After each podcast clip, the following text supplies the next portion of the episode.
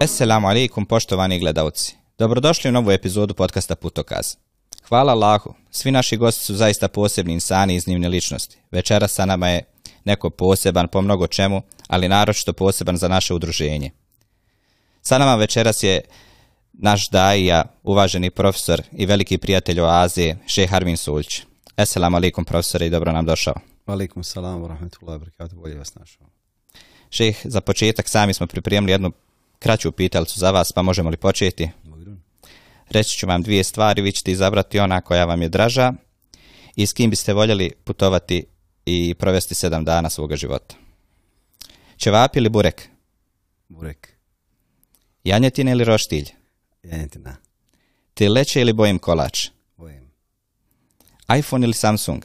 iPhone. Volvo ili Volkswagen? Volvo. Knjiga ili predavanje? Predavanje. Ljeto ili zima? Ljeta. Meka ili Medina? Meka. Osman ibn Afan ili, ili Abdurrahman eh, ibn Auf, Allahu anhu. Abdurrahman ibn Auf. Sultan Mehmed Fatih ili Suleiman Veličanstveni? Suleiman Veličanstveni. Hajrudin Barbarosa ili Piri Reis? Uh, Barbarossa. Mehmed Hanžić ili Mustafa Busulađić? Mustafa Busulađić. Alija Izetbegović ili Neđmedin Erbakan? Alija Izetbegović.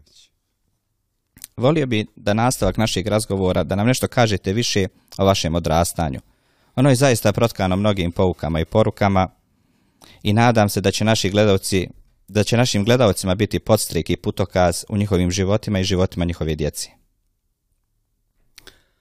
Bismillah, alhamdulillah, wassalatu wassalamu rasulillah. Najprije želim zahvaliti vama na, pozivu, a zatim i da lično poselavim sve naše slušalce i gledalce.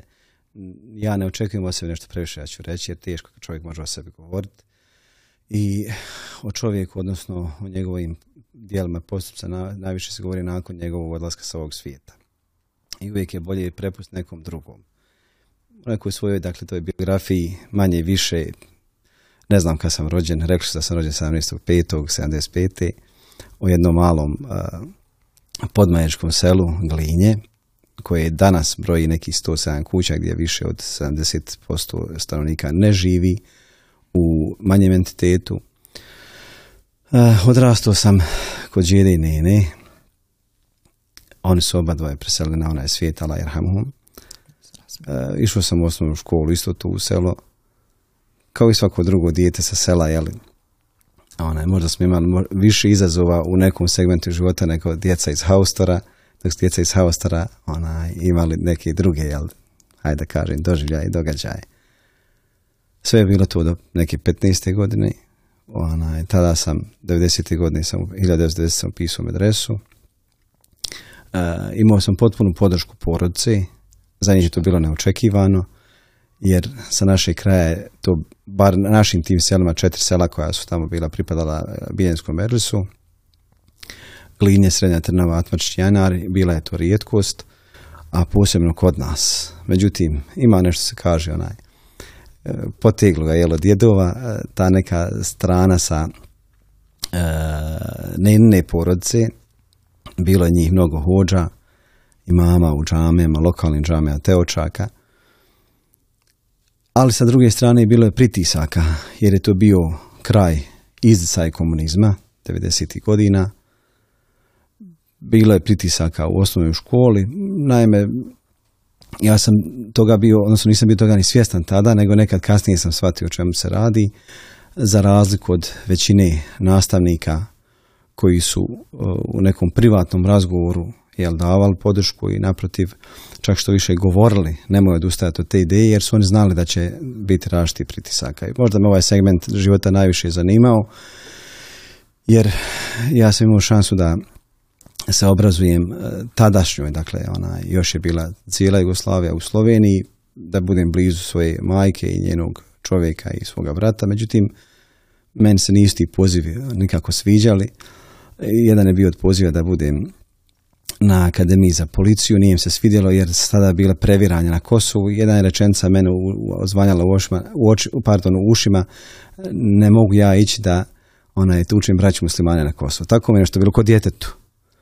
I u tom dobu bila je nas jedna nekolcina, mala nekolcina, koji smo iščitavali dijela Adela Zulfkar Pašića i Ali Begovića. iako je to tad bilo manje više tabu tema, ali taj, kažem, komunizam na izcaju i ona nije više mogla ni kontrolisati. Onda kad se saznalo u školi, u kući su normalno bili iznenađeni, ali su pozitivno bili iznenađeni i svi su dali podršku E, također lokalni imam Mohamed Efendija Sofćala Erhamu, on mi je mnogo pomogao da, da, to nekoj pripremi. Znači. Besim Efendija Čanić koji je stao isto na moju stranu, tada je bio na referent sa vjerska pitanja u ja mislim da je on bio direktor ovdje u Tuzli medrese.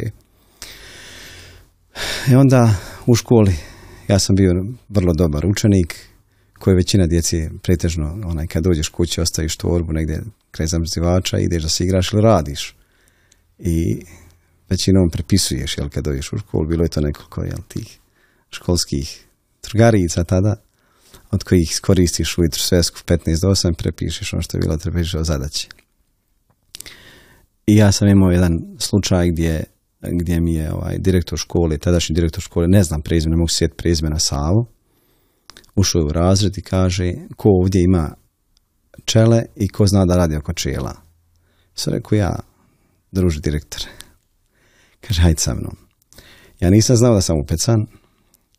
nisam ja trebao, ali su, da niko nije imao. Aj, ali eto, fasuo sam radi čela i radi i znanja. I naš razgovor je trajao tri sata. nije bilo tu nikakvog rada, niti smo mi poklopa skinuli sa jedne košice, odnosno sanduka, nego je bilo i šta, si, i šta odlučio, šta ćeš sad? To je bilo u osmom, osmom razredu, tipa onaj e, mart, april, Kažem, odlučio se na u adresu. On je bio strašno staložena ličnost. Nije ulio neko strahopoštovanje, njegova faca nije bila neka puna muškosti kao što je bio pedagog Abdurrahman, ni njemu se ne sjećam Ovaj, I između ostalog, pa što to, pa što, pa kako, pa to je, ona religija je opijum za mase, ona marksistička teorija. Ja nisam bio tad svjestan toga, i tri sata objeđenja i šta ko radi u porodci, čim se ko bavi. Dakle, klasična takozvana udbaška pitanja. Ali men kao djetetu, jer baš sam bio ta dijete, ona nije to ništa plaho moglo ni da znači, znači nisam ni razmišljao o posljedicama svojih odgovora. Imao sam taj problem dan danas, u svojoj 47. godini imam taj problem nekog iskrenog odgovora, pa možda što se kaže kod pukla da pukla, nek bude tako kako jeste i nakon tri, u svakom slučaju pokušaju da mi odgovori, nema potrebe, najbolje je da ideš, da studiraš nešto što ti je onaj mnogo e, korisnije, da li matematika, matematika koju većini djeci, bao, fizika, hemija, dakle ja tu nisam nikak vidio životnu onaj, perspektivu u svim tim, tim naukama i i tad se spominjali idi onaj studiraj nešto vezano za kompjutere. Ne, tu se nije zvala informatika, nego vezano za kompjutere. Ja sam njega slušao normalno, slušaš kao je jel, svaki učenik dijete i nakon tri sata razgovora kaže on meni i šta smo se, kaže, dogovorili? A ja onako, ko iz vedra neba, rekao, ja ću u medresu. Kaže on, dobro. A kad je bio strašno smiren čovjek, staložen čovjek, nije se doimao da men prijeti, ali taj čitav razgovor, tri, tri časa školska, jel, koliko to troje, stoji 50 minuta, sa odmorima, to je bila neka porka, nemoj ići u medresu. I ja kad sam otišao od njega, ja skontam, pa Harmine, pa trebao sreću pisat ću, uopšte nisam trebao pričati o medresi. Helem E onda me uhvatio strah. E, bojio sam se sa neke strane, jel, jer sam bio svjestan da medresa zahtijeva visoke ocjene, odnosno odlične, odličan uspjeh zbog velikog broja kandidata sa terena bivše Jugoslavije, a malo kapaciteta medresa da primi više od 60 učenika u redovnom školovanju, da ne znam koliko se mogu prijavljivati, nije, nije bilo nikad to prije mog interesovati, nego sam volio da budem redovan učenik. I ja onda kroz mozak jel, proletim sve šta mi je najslavija tačka i sjetim se matematike ovaj, i nađem nastavnicu Desanku, ona isto ona umrla unazad nekoliko godina – žena je bila nižeg rasta, bila invalidna, jedne noge nije imala na i slovila je za najstrožiju nastavnicu u školi za sve generacije. Čak predavala je moje mame Ala Hamha i svim tim, dakle moje tetki, dajđama svi je znamo. Ja skupim hrabrost i odem na razgovor kod nje, nađem stvarno, sad na hodnik nastavnica, taka i takva je situacija, ja želim da vas nešto upitam, tražim podršku, ona ne bi volio da stradam, da izgubim prosjek, zato što sam na, na, onaj, naumio sam da ide u medresu. I ona puno niža od mene, ona mene je ovako uzela sa dva prsta za obraz, kaže Suljiću, ne skiraj se, bit će ono što će, što će te obradovat. Men ko da je dunjaluk da tog trenutka. Jer to je bila najslabija tačka. I onda drugi nastavnici, dakle svi, i muslimani, nemuslimani, onaj, svi su mi na neki način kad u razredu pitaju pred učenicima, možda iz neke tada jel, sistema i samog onaj, okruženja, niko nije ništa plaho se ni čudio ni pokazivao, dok se ne bi sreli privatno, između ostalog. E, moja, odnosno, kako se zove, stakvirla, razrednica Nizama Ali Ustić, ona uh, me na, na stanci autobus koji oba dvoje smo krenuli za bijeljnu, ja sam krenuo u Mežlis, vjerojatno sam onaj, tad već pošao sa predajem papira, a ona meni kaže, Harmine, nemoj nikad ustati od svojeg nauma. Šta god da se bude govorilo.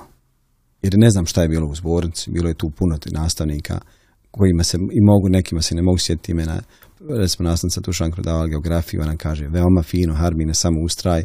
Meni je to bio ona jak postrek, jer možda je poznato da u to vrijeme se nije plaho pravilo razlika između musliman, muslimane, katolik, pravoslav, tako da o tome se nije mnogo ni razgovaralo, nego bratstvo jedinstvo, svi smo jednaki i tako, tako se onaj dojma u javnosti, iako u suštini nije bilo tako. E onda, nakon toga, jel, završava se, hvala Allahu, onaj, e, škola dolazi mala matura i na maloj maturi onako od ja pojedinac u čitavoj toj masi, svi nas, bilo nas, kažem, dva odjeljenja, dva razreda, 8.1 i 8.2, većina učenika je bilo u 8.2 iz Srednje Trnave, i Krčne i tako da tih ti mjesta, mi smo va bili 8.1 iz Glinja zajedno sa onaj Donjom Trnavom. I svi oni piju, opijaju se, sluša se muzika, pleše se, ovo, ono, ja sjedim na kraj stola kao osamljen i završava se sva ta fešta, svi idu pijani, samo sam ja trijezan. Mislim, pijen, ne pijan, nego pijen. Neko je tu samo cugno, nije cugno, jer nisu, možda nisu ni smjeli, ali nisu im ni zabranjivali, kao što danas ne zabranjuje djeci, bez neke moralne skale i pratnje, onaj djeci danas kad završavaju maturu. I ono što je pogubno, dakle, ja, ja to moram spomenuti, da ne budem da sam ja neki moralista, ali ono što je dakle strašno svake godine u mjesecu maju, mi vidimo skandalozan čin gdje roditelj prisustvuju malo imatur dodjeli diploma djeci, da li u osnovnoj školi, devetom razredu, da li onaj u srednjoj školi gdje djevojčice od 15 godina ili djevojke od 19 godina dolaze kao da su oni jeftino prodajno meso ovaj, na, na, na pre sve tu roditelje. I ono što se postavlja pitanje gdje je taj roditelj koji je svom djetetu to dopisno takav način da izađe pred masu ljudi, ali očito nije im ni u kućama bolje. I prilazi sad svaki nastavnik, onaj, pozdravljamo, za, to je zadnji pozdrav, e, bio sa svima njima i direktor meni kaže sretno ti bilo pa makar i ono što se odabru.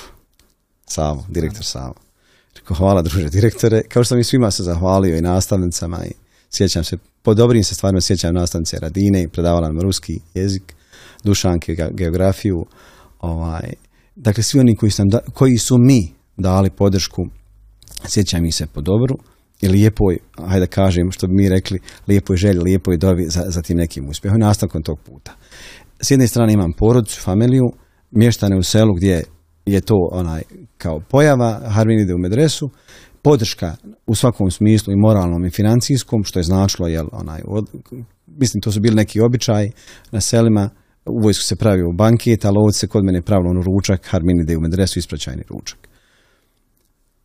Sam e, prijemni ispit, tu mi je puno pomogao profesor, profesor Rešit Bilalić, ali da mu se smilu i on je preselio nazad nekoliko godina, predavao nama Akaid u medresi Inače, čovjek je bio rodom iz Teočaka, naselje Bilalić, i Efendija, profesor uh, Besim Čanić, njega sam spomenuo na početku, ja te ljude ne mogu nikad zaboraviti, u tom smislu što su bili podrška u jednom prelomnom trenutku života, jer ipak sa 15 godina kada uzmemo u obzir da sam ja tada otišao, kad se kaže otišao sam, nisam bio jedini, bilo nas puno, otišao sam u svijet i bilo je bitno ko će stati na tvoju stranu u bilo kojem smislu. Da li sa lijepom riječju, da li kad osjetniš da si, da si posrnuo u nečemu, jer je meni je bar bilo teško, ja, mene nije sramota o tome pričat, meni je bar bilo teško da iz jednog sistema seoskog života i manje više učenja ili naučenja pređem u sistem doma gdje imam onaj mnogo uređeni sistem gdje je, recimo sistem u bio poput vojske ustajanja na saba pa do samog kraja korepeticije lijeganja u pola osam povečera, takozvanog halalte u pola deset na onaj, kada mora da nastane se u medresi. Nakon svega toga, jer hvala Allahona, bio sam primljen, iskoristio se taj adut što, sa, što iz mog sela nije bilo učenika i to se, ja mislim, malo medresa na neki način, da li se je pravio pregled, geografski pregled, odakle će učenici doći i biti ili po broju iz jednog medresa, nas je bilo tada Uh, u mojoj generaciji sam bio ja, bila jedna djevojka i jedan naš brat sa Kosova, Krasnići, činim se Neđad, njih dvoje nisu bili primljeni, ja sam bio primljen, a o njima je to bio čini se po drugi ili treći pokušaj da se primi adresu, ali već kad prođeš 18 godina nemaš više pravo onda podneseš, ili 17 godina, ne znam, ne sjećam se. Jer to je bilo davno 90. godine počinje jedan novi život, jedan novi sistem života, jedan novi način učenja, predmet sa kojima se susrećeš, terminologija sa kojom se susrećeš, e, djeca koja su dolazila iz uh, drugih sa mnogo pripremljenija djeca, bilo je tu djeci sa ne mogu ja to tako onaj reći, ali to je više nego očigledno bilo djeca profesora iz medresi koji su neminovno bili primani, bez obzira na njihov taj neki e, uspjeh, prosjek uspjeha u školi, ali onaj, to ništa nije znašlo koliko je znašlo kako se on dokazalo u svom, svom školovanju, koje je bio sposoban, nije. Istaknuti recimo mežes kraj, iz Krajine i zatim iz, iz te, Tešanjski mežes, bili su učenici koji su strašno bili pripremljeni, znali su eh, već dobro učiti u Koranu, poznavali su teđvid i tako dalje i susretali se očine sa svojim terminologijom, su imali takve imame moj Fendija nije ništa bio kriv, zato je rado sa starom čovjeku je već bio u penziji, pa je vraćen u službu imama, jer me ne čudi u tome sistemu, u tom vremenu, ko je prihvatio imamet, kakav je, kakve je imao sve onaj pritiske, jer nakon izlaska zelene knjige, ja mislim da je ta zelena knjiga se pojavila nešto odmah nakon rata, onaj, pokazao se na što su sve bili prisiljavani imami da rade i da budu, iako imam u suštini, jel, hajde da kažem, najveći moralista u naselju, mahalu, gradu, selu, svom džematu, Isto tako je morao da radi neki, da oprostite na izrazu, nečiste poslove za državu, a kažem bio je prisiljen. I neka treba nikoga, nikome rad toga onaj zamjert, osuđivat ga. I eto tako savršava ta neka prva epoha života, onoga što sam mogu da smjestim ti nekoliko minuta. E posle toga do 92. već, već je drugačiji. Allah vas Dragi profesore, koliko je bilo teško u periodu prije rata odlučiti se na upisivanje medrese i, i kako bi opisali vaše godine provedene u Gazi Husrebegovoj medresi? Suštinski ja sam išao samo prvi i drugi razred, nedovršeni drugi razred, jer u onaj u martu kad smo poslani na, na ramazansku praksu, ja sam tada bio na ramazanskoj praksi u drugoj godini, u drugoj godini u naselju Dragoradi, to je pripadalo, pripadalo tada, mislim da je E, Kaljini pripadalo Sokolcu, Mežlis Sokolački. Šta ja znam, rekao sam malo prije, sam, onaj, približio sam koliko toliko da želja za vjerom i ljubav prema učenju Allahove vjere prije svega dolazi uputa. u te ila bitla Nije moj uspjeh osim ono što je Allah Đelšanu dao. I to nadahnuće, ta ilham od Allaha da jednostavno krenem putem medrese, jeste bio u, u, u krugu jedne, ili okruženju porodice gdje svake godine se recimo onaj, u oktobru našao kazan u Avli, e, u selu gdje u džamiju išlo, išlo samo 5-6 ljudi koji stignu na akšav na jaciju, ne mogu to onaj stići od dnevnih poslova, gdje se sjećam ja nekih starih ljudi, Haki Alajerhamu ili šta ja znam, Rizvan Alajerhamu, stari ljudi koji su išli u džamiju i moja poja u džamiji bila je čudo za sve njih, ali nisam ja osjećao nikakav onaj otpor i to je bila kao neka priprema, jer e, zavoliš vjeru i onda tala Đošan pripremi, pripremi za nešto više kako se uči vjera, gdje se uči vjera, gdje je veći stepen od, od lokalnog imama koji, kažem, bio u tim godinama čovjek, jel, penzionisan e, i bar meni, odluka nije bila teška jer, jer je to bilo iz neke ljubavi, želje za učenjem Allahove i vjere i nikad se nisam pokaju Nikad se nisam na toga pokavio, to mi je bila jedna oskočna daska u životu za možda sutra naukovanje, jer onaj, spominjat nešto i kasnije, taj period odlaska van onaj, Bosne i Hercegovine, van, van, generalno van jel, naše kontinenta. E, a što se tiče medrese, ja ne bih nikoga da, da povrijedim, u neku ruku volio bi da pošaljem poruku svima onima koji dan danas odgajaju jer tu sad pretežno generacije koji su bile sa nama, puno je tih mojih školskih kolega danas, ili su profesori, ili su upravi i tako dalje, onaj, ono što sam ja očekivao, bar, bar ja, mogu sam u svoje ime, ne mogu govoriti ni učiti drugo ime, očekivao sam da je medresa jedna institucija, odgojno vaspitna institucija gdje ćeš da naučiš e, mnogo više o svojoj vjeri, a istovremeno da naučiš o, o moralu i etici. Medresa kao medresa je to pružala, ali okruženje i ono odakle su svi učenici dolazili nije, ni u kom slučaju. I bilo je tu nekih, hajde kažem, prijeloma odnosa profesora prema učenicima, što ja nisam osjetio sve do neka 94. 95. kad sam otišao na drugi institut.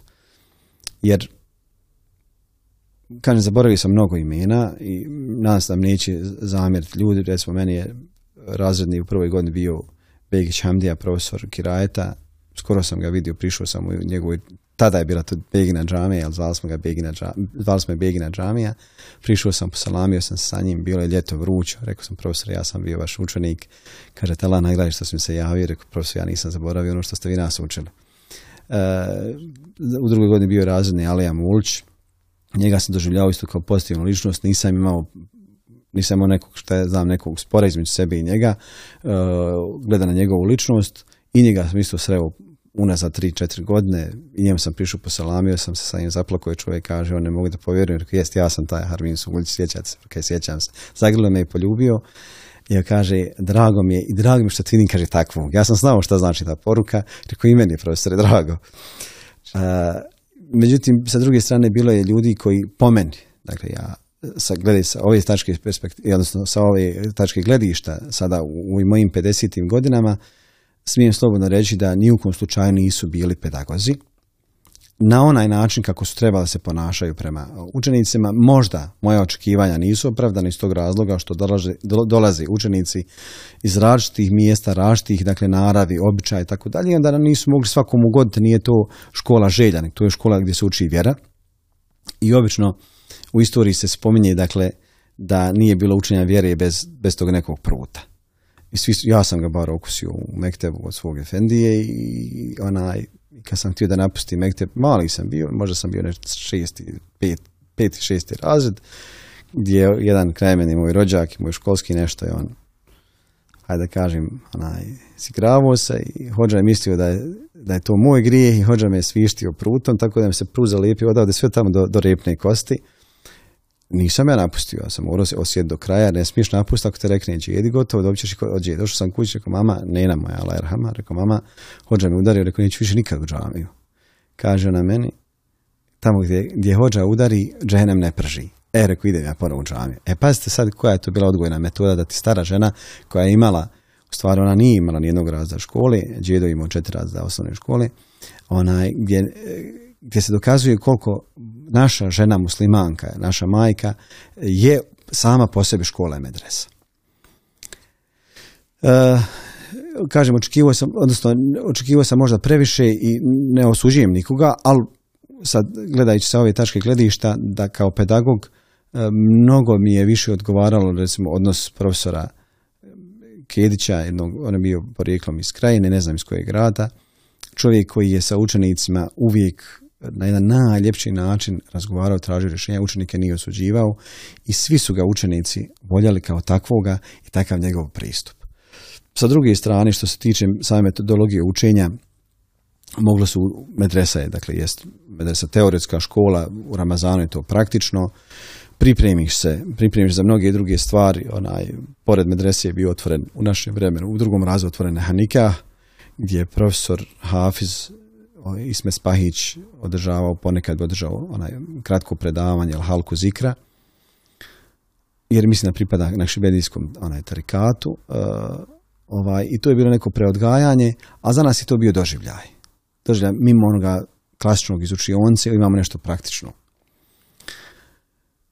Sa druge strane, većina profesora su bili ono što su predavali, bili su e, dakle ljudi koji su dali odgovor na, na svoje predmete, odnosno opravdali su svoje predmete, bilo oni koji nisu, pretežno se to manifestovalo kroz nepravdu i ocjene, gdje recimo profesor e, od tebe traži da znaš više od njega, a on to ne zna ispredavati. E, to je bio slučaj sa turskim jezikom kad je profesorica Azra otišla na e, troničko bolovanje, nije se više ni vratila, ona je, ne znam je li postala nastala rad u medresi, ženskoj medresi, nemam pojma, ali je došao profesor koji E, dakle koji je mene ostavio, ostao kao pečat nepravde i nepravednosti e, onaj u podučavanju. Ime neću spominjati, e, osjećat će se možda prozvanim, možda i penzionsan čovjek, ali je od nas previše tražio i tako.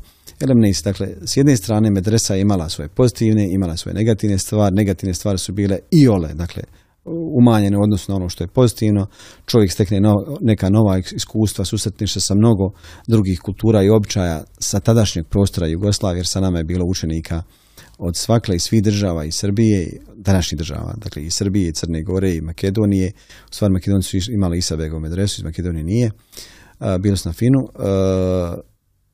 mislim da je, bar pomen, dakle te dvije godine medrese, da su bile možda jedan dobar, dobra oskočna daska za ono što će kasnije doći već ona, odmah u toku agresije na Bosnu i Hercegovinu i agresije prvenstveno na muslimane Bosne i Hercegovine. Mašala. Ratna dešavanja vas usmjeravaju ka Sloveniji, gdje ste imali svoj prvi imamski angažman. Da li vas je taj poziv mama i Efendije usmjerio odlasku na studiju Kuvajt? Moj prvi imamski angažman je bio u Teočaku, Tursovo brdo, prvom razu medresi, tu sam bio oča. Drugi je bio na dragoradma rekao sam da meže se Sokolac. Slovenija je tek na trećem mjestu. Tad sam već imao, to je bilo 92. u, u, septembru. I ja govorim dok sam bio na, na Romaniji, eto da kažem softa, onaj, početkom rata, 27. noć je zasjedalo selo, jel onaj, taj seoski odbor, teravija se klanjala u kućama, tu se recimo iftariš, tu klanjaš teraviju, tu prespavaš, sutra kad dođe vakat posle kindije ideš u tu drugu kuću koja te je pozvao na iftar. Takav je bio običaj koji nisu imali, nisu imali metefa, mekteba, džamije, mežda, nisu imali ništa. Danas imaju.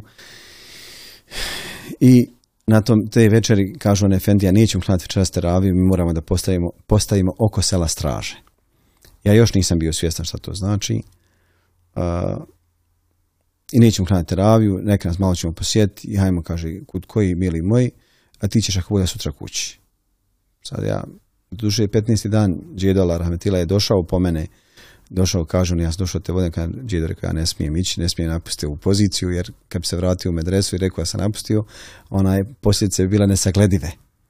Ne zbog režima medrese što je bila, što je bila strogoća i tako dalje, postoji neki red, to gledam kao red, ne gledam nešto negativno, ali ja nisam smio napustiti poziciju, praksu. Kao da odeš sa pol onaj časa i napustiš onaj školu. Ja nisam otišao. Đida se vratio nakon onaj noći jednu noć, vratio se sutradan kući. E, onda su se mještane organizovali, tu je bilo nekog tih muslimanskih sila, se organizovali stražama i Efendija moraš i sa nama na stražu. Pa moram, nas, svi idemo na stražu, idemo na stražu.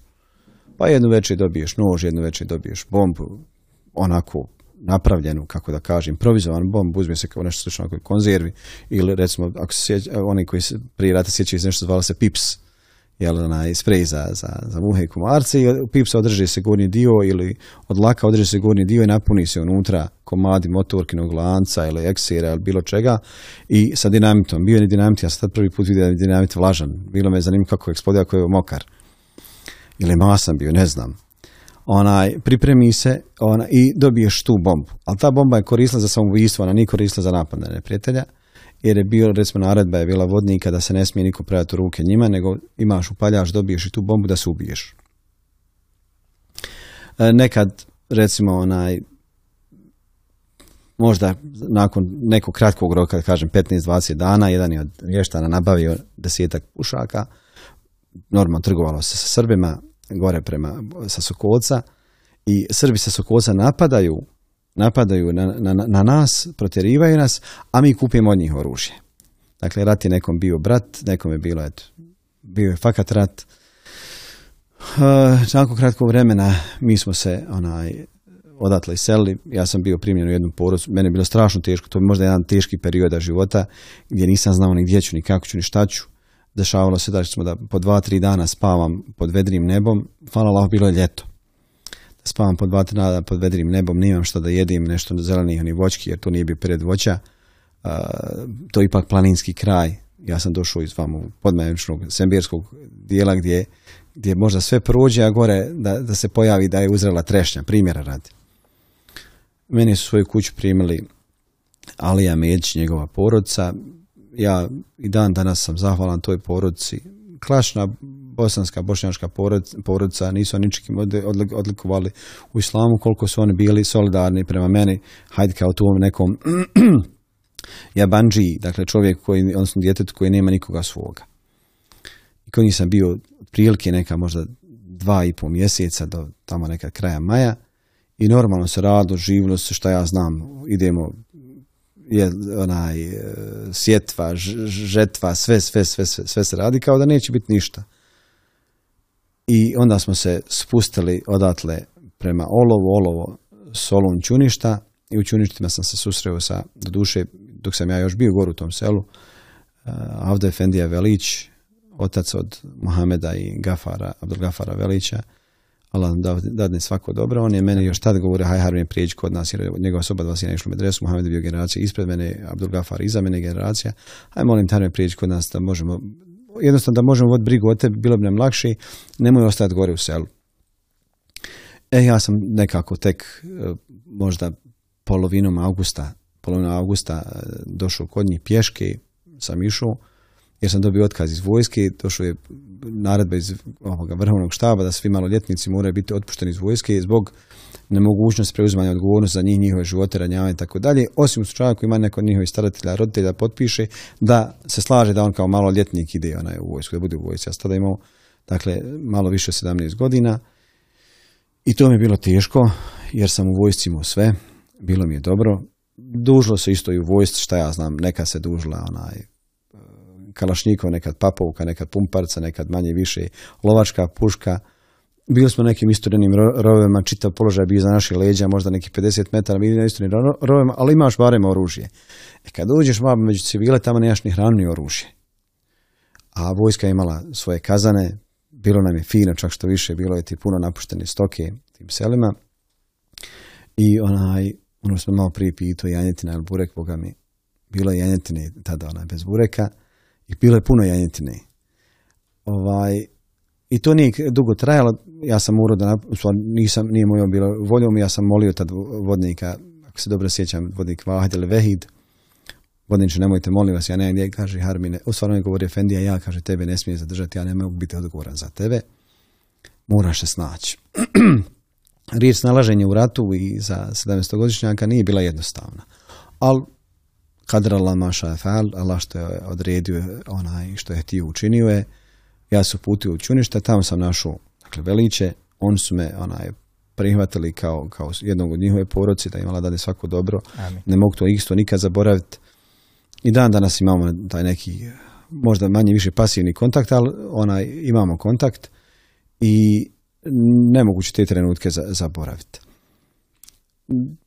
Prošlo je nekoliko dana, ja i Muhamed i Abdulgafar i još jedan išao i sad nam isto u medresu, naš četvorca, susretnemo jednog čovjeka koji je radio u, u, Merhametu i on kaže što mi nikad ne dođete da vam šta dadne u Merhametu. Merhametu misli se na hranu, na higijenu.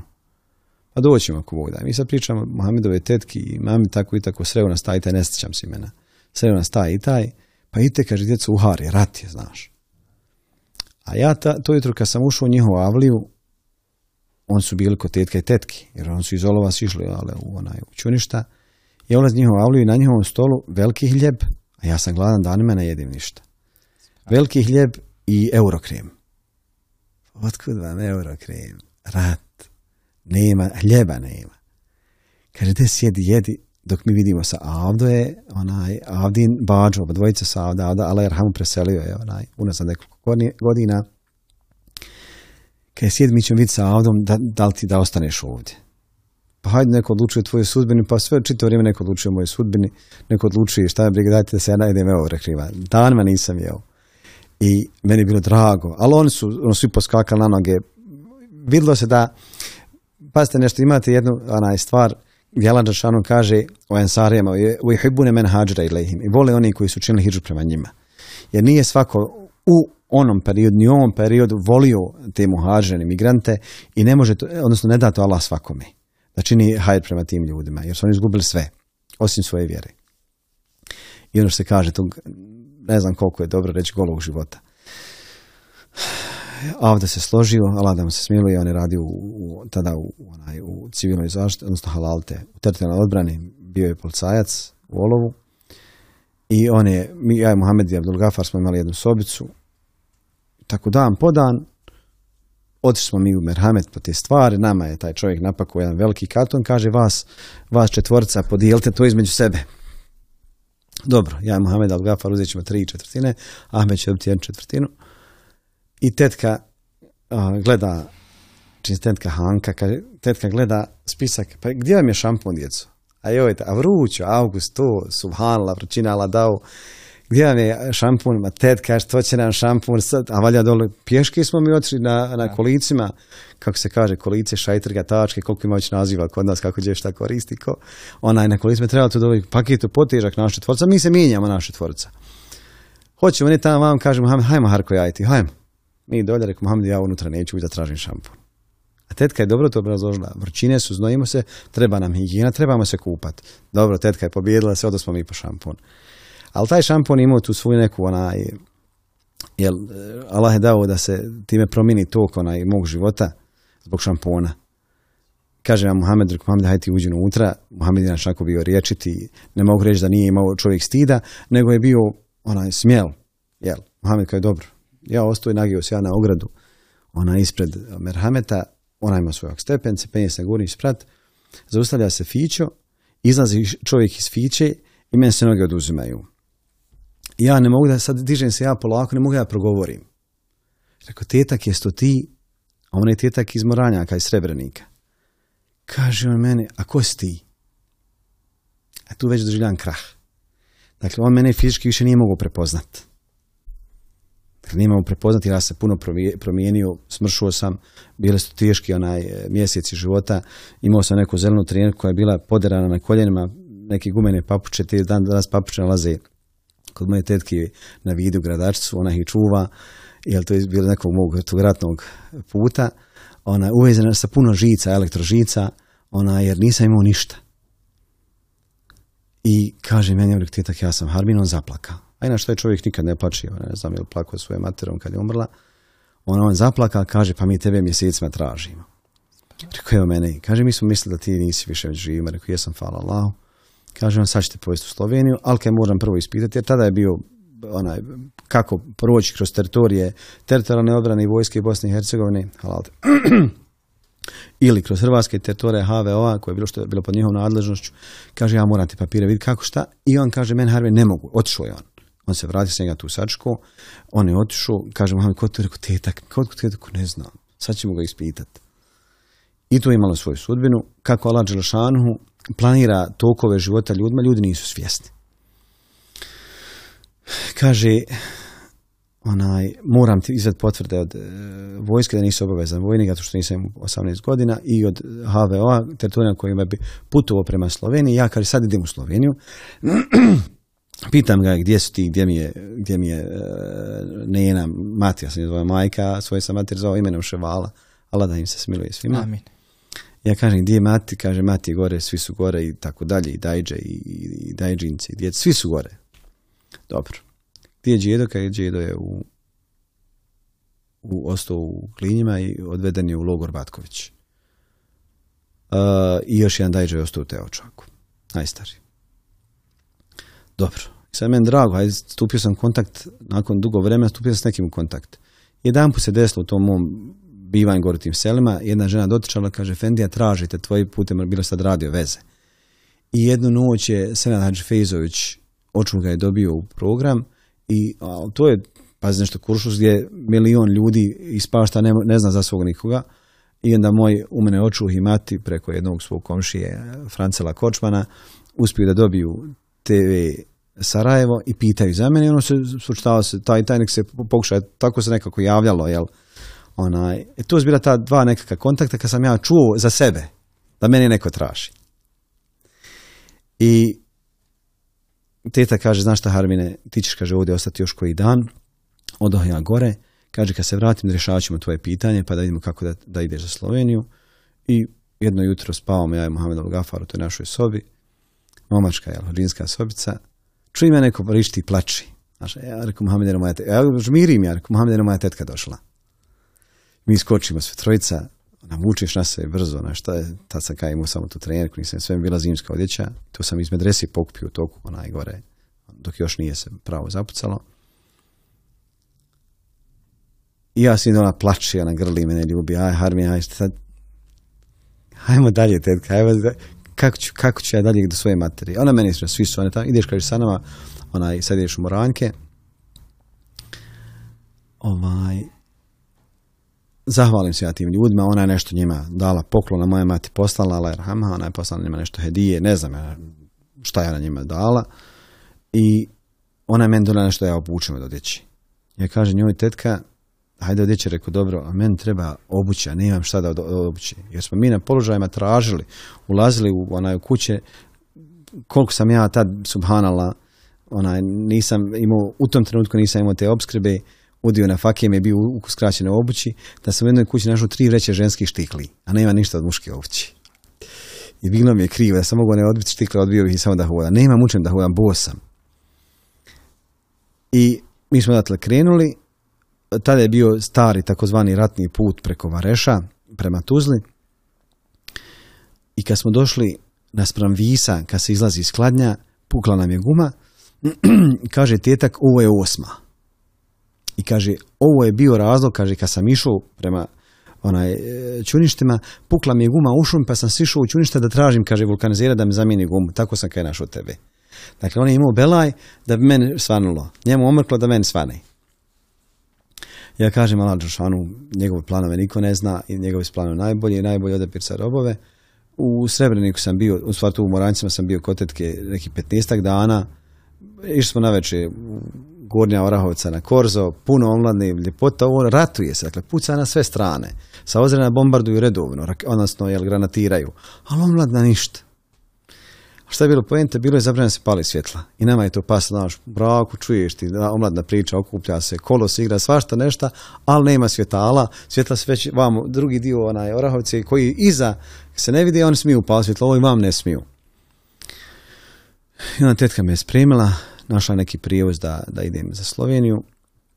Čovjek je vozio iz Srebrenika e, dolje, umlje bilo se, znamo, kupljalište bilo kod onoga motela na, na semafor današnjem ja mislim da je to, ne znam je li jedini semafor onaj u Srebreniku, i bilo nas je 22 u autobusu, 22 putnika, tetka je platila kartu i meni je dala 200 maraka njemačke marke, dala mi 200 maraka u džep i ova druga tetka od moje mame, ona iz Gradarca, ona mi je dala 20 maraka.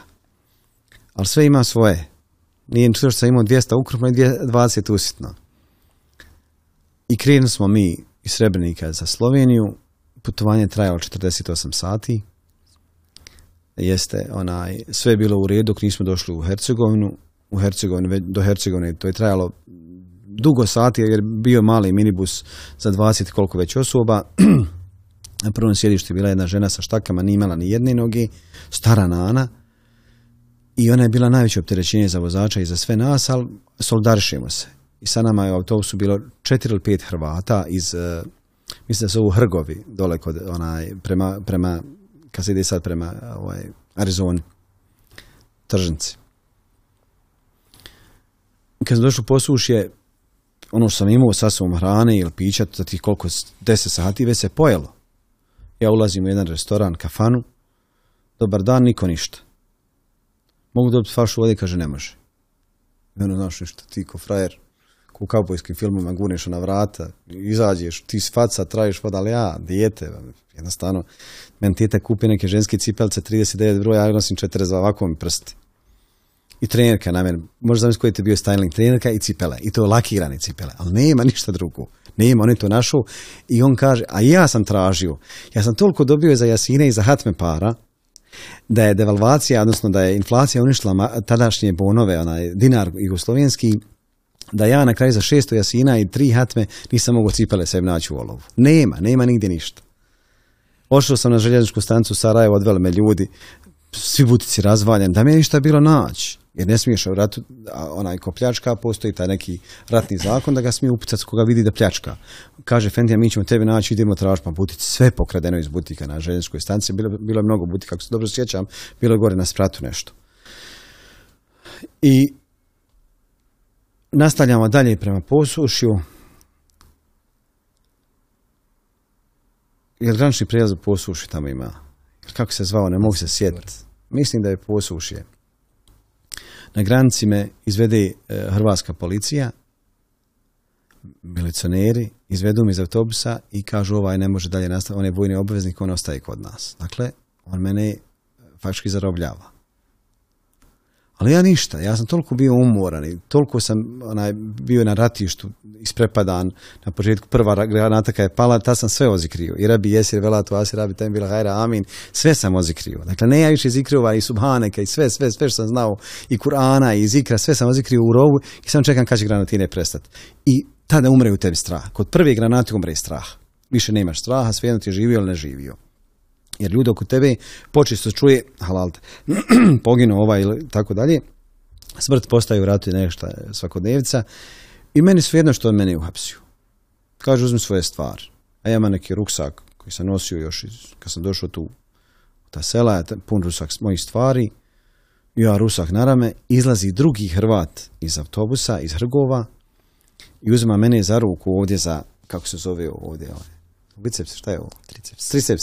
Uzima triceps i drugom rukom daje tom policajcu pet litara rakije i kaže pusti ga, on je moj. Znaš. Policajac me gleda, oni su nas šetali. Ovaj vozač jednik svašta se naplaću, te plati, ovaj vrati ga na onaj tam izlaz, tamo ovaj. oni su njega polomili su čovjeka. I on kaže, ljudi, ja više nemam para. Šta ćemo, na nekog, smo tu, zadnjeg i svako je onaj je podložen mitu i korupciji. Svako. Samo pare, pare, marke, marke, marke. I ovaj Hrvat kaže, mi nemamo više para, evo ti pet litara rakije. I on mene onaj, uvodi u autobus ponovo. Kaže, njemu rekao, hvala, kaže, hvala i teba, ode men rakija. Znaš. I sa, ja sad analiziram sebe i svoj život, kako me je čovjek otkupio. Ja sam bio zarobljen, gotovo. Ja sam već postao eh, eh, zarobljenik, rob nakon minute drugi me Hrvat otkupljuje za 5 litara rake. Koliko je rake danas vrijedna? Možda 10-15 maraka. Za 50 maraka otkupljuje današnji cijeni, za 50 maraka otkupljuje mene i moj život i vraća me u autobus. Ja tog čovjeka ne znam, ja bih volio da sam da ikad sa njim susretnem, bilo među njima i starih i mlađih ljudi, bilo koji iz te grupe, onaj, eh, ako bi ikad iko mogu da poveže sa njima, ja i njima sam ostao zahvalan dolazimo, odnosno put, ušli smo mi nekako u Hrvatsku, došli smo na domak Splita i ne daju autobusu ući u Split. Jer puno je barikada svugdje. I on ulijeće u autobus, vozač kaže, ljudi, našao sam rješenje. Svako će, ide konvoj iz Tuzle, vozi su svako će od vas ući u jedan onaj autobus i ja sam kaj platio sve jednom vozaču. 21. Ovu kajnanu na Anu moram vratiti, kaže, srebrnik, nema žena nogu, nju neće niko da primi ja sam ušao, u prvi kaj ne smije sjest niko, u drugi ne smije niko sjest, tek u treći kamion jer prva dva će provjerit će papire, kod ovih ostale će kaj samo ovako milicija mahat. I tako je smala je bilo. I ušao sam ja sa, e, čovjek je, čini se, bio iz Gračanci, ono, u razgovor tu traje, to, putovanje, sve to sporo kamioni, ali dobro sjećam, bio je ta dajc sa onom velikom gore njuškom, vozi so, išla je so za brašno. I mi smo došli i on kaže, on se dogovori gdje, gdje će on nas tu ostati, a sve će nas tu ostati, 22, odnosno 21. I nakon toga se mi samo organizujemo kako ćemo mi sad kroz Split, kako ćemo naći autobusku stancu, kako ćemo naći željezničku stancu, gdje ćemo, šta ćemo. ja sam dijete ja gledam komiča se prigleda, ponovo zvane onu trojicu, četvorcu ljudi iz Hrgova. Ja pitam, molim, mogu li ja sama? Kaže, hajde naćemo mi onaj autobusku stanicu ili željezničku, ulazim u tramvaj u Splitu i sjećam se, onaj, e, dobro sam se sjetio tad audicije, kažem ja njima, pitam jednog u onom tramvaju, prosto gdje je ovdje autobuska stanica? Kaže, ne razumijemo. Kako ne razumijete? čovjek ne znaš gdje je autobuska stanica. Pitam drugo, rekao, znate gdje je autobuska stanica? Kaže, neće uopšte govori. Pitam je Hrvate, kako se kokaj na hrvatski? Pa ne znam u neka doba, mislim, za nas je to dugo traje, jer ti stanca po stanca, hoćeš da izađeš. Kaže meni jedan, kaže, mladi gospodine, da li ne tražite, kaže, možda autobusni kolodvor? I sad ja gledam ovu trojicu četvoricu ljudi, kaže, da, mi tražimo autobusni kolodvor. Ali, mislim, to je bolesno. A to je fakat bolesno. Ti možeš držati do svog jezika, ali trebaš da pokažeš kulturu prema drugim ljudima i narodima koji ne govori tvojim jezikom i on kaže kod fontane sljedeća stanca i na njoj, spusti se, kaže, dolje, dolje desno i kaj, tu vas kaj vodi pravo, onaj, e, nekako je blizu vode, vodi vas to na autobusni kolotvor Hvala vam, hvala vam, idemo mi. I sad sam ja, ko bajk, ovaj, glasnogovornik ove troje četvorce, ja pričam, on se smješkaju. Ali oni fakat nisu znali. Sjeli smo tu neki bus e, iz Splita, hoćemo za Zagreb. Ja sam onako umoran, to je već je već druga noć, jer smo im putovali i drugu noć ulazimo, u, u, Splitu se ukrcao na taj autobus, ja sam u nekom trenutku i zaspo i tako dok sam spavu, probudim se ja od neke buke ovako i pogledam, puni autobus HVO i vojnika. Ali ti vojnici nisu onaj vojnici neko obično onako, su ljudi baš sposobni, krupni, baš vojska vojskom. Ja ovako, ja ne mičim se ja iz ovoga sam napravio, skrstio sam ruke, ne radi onaj nič znači, drugo što sam tako uspavao. Ja pogledam u njega, vidim šahovnica i kažem Harbi, ne mogu više spavati, ja sam se prepuo. Jer čitao vrijeme meni prati nešto vojska, znaš. Ja rekao, Harvin, samo nastavi spavati dok ne dođeš do Zagreba. E, nije on me ništa ni pitao, niti on meni budio, ništa čovjek mene nije dirao. E, mi smo ostali, koliko nas je već bilo tu, došli smo do Zagreba i ja ponovo onim Hrvatima iz Hrgova kažem, rekao, ljudi, nemojte me, molim vas, ostaviti, de me samo pokažite gdje je pošta. Kaže on mene, a oni su radili tada onaj u Hrvatskoj, kaže on, hajde te gdje je pošta i da te vratimo na stanicu gdje mi te moramo ići. On se vidio da sam se ja njima nakačio na leđa, ali šta ću, nemam drugog izbora. Ali on su bili, on su meni mnogo pomogli, hvala im s, ovog, dakle, s ove pozicije, hvala im dan danas. I onda smo mi, on su mene odveli onaj, u poštu i u poštu ne sjećam kako se plaćalo na impulse, jer su bile žetoni, mislim da je plaćalo se na impulse ja nazovem uh, očuha, nazvao sam ja, ona, jest, nazvao sam svog očuha, nisam tad znao za njihov telefon kućni, sva nisu imali fiksni telefon. Uh, Huso, rekao, ovdje Harvin, pa gdje si Harko, pa mi te čekamo, mi te tražimo, evo me rekao na, u Zagrebu na stanci, kaže, eto mene po tebe. Međutim, to nije bilo tek tako lako, jer čitava Jugoslava, čak i Hrvatska je bila tad pod okupacijom istočnog neprijatelja i sjedim ja, kažem sačkaj, gdje su tu se na stancu, taj taj peron, čekaj ću ti. Sjedim ja sad onako, znaš, puno uzbuđenja, doći po mene očuh iz Zagreba, od Ljubljenja do Zagreba malo jače od sahat, sahat i Pošto je on tada ovdje stojadina, možda bi to bila i dva sahata. Kad je suđi Harmek se javi na informacije, i sad ja se ulačim u sebe, ko mene zna na autobuskoj stanci u Hrvatskoj, policija puno hoda, provjeravaju, love, hapse i tako dalje, i ja ne smijem se zna za mene, ja se krijem, vidim ja da nije dobro. Malo prošlo je slučajno se jajna informacija, ja sad u ono svoju tvorbu i gurnem pod klupu, ne znam kom da mi bar ako stvari ne uzmu, ne znam šta ću. gurnem tvorbu dole pod klupu, bio sam tu sjedio sa nekom babom po koju sin nije htio da dođe, ona iz Vinkovaca izbjegla, sin nije htio da dođe po nju, ona je za čita dan tu ostala, na kraju se ona svijestila, ona nju je hitna odvezla i ja odlazim na informacije, dobar dan, ja sam Harmin Suđi. Kaže, imate poziv iz Slovenije. Ja ništa ne kontam, ko mene zove iz Slovenije?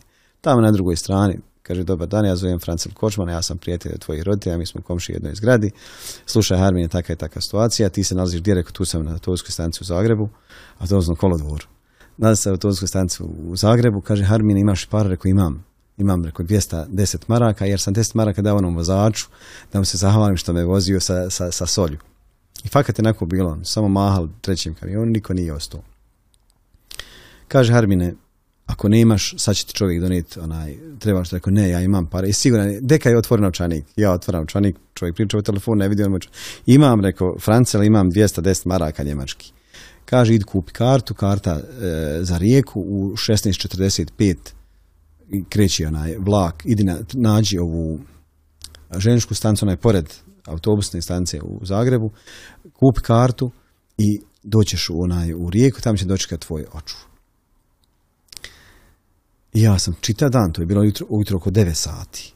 Ja čita dan niti jedem, niti pijem, niti smijem tih gdje šta da kupim. Ja se premjestio ta baba mi je čitav dan bilo društvo, ona je imala kod druid 150 godina, žena nemoćna, sin je doktor u Zagrebu, neće da dođe, molim vas, hoćete nazvat mog sina, evo vam i žeto ona meni dadne pare, ja njega nazovem, hoću, hoću, doću, neka čeka. I nikad, mislim, čita dan ja na tu presjedla, po nju nije došao. Kad se ona, ona na kraju pala meni, naravno ja s njom samo ovako gurno od sebe da se prehili na drugu stranu, ja sam uzeo svoju torbu i pobjegao. Ispaši da sam ja nešto babi uradio, ne dovala policija je došla, ja sam iza jednog ovakvog stuba nju gledao nju, policija je došla hitna, došla s nju, pokupili, odvezli su je, on šta je dalje bilo ne znam. Ukrcao sam se na, na, na, voz, na vlak, uh, u tom svom dakle, putu zaspim. Umora, umoran zaspim, dolazi kondukter, traži kartu, klak, klak, nakon kratko vremena ulazi policajac, dobro večer, dobro večer. Dokumente ja, koliko sam nesvjestan bio, ja vadim onu staru jugoslovensku crvenu ličnu kartu. Izvolite.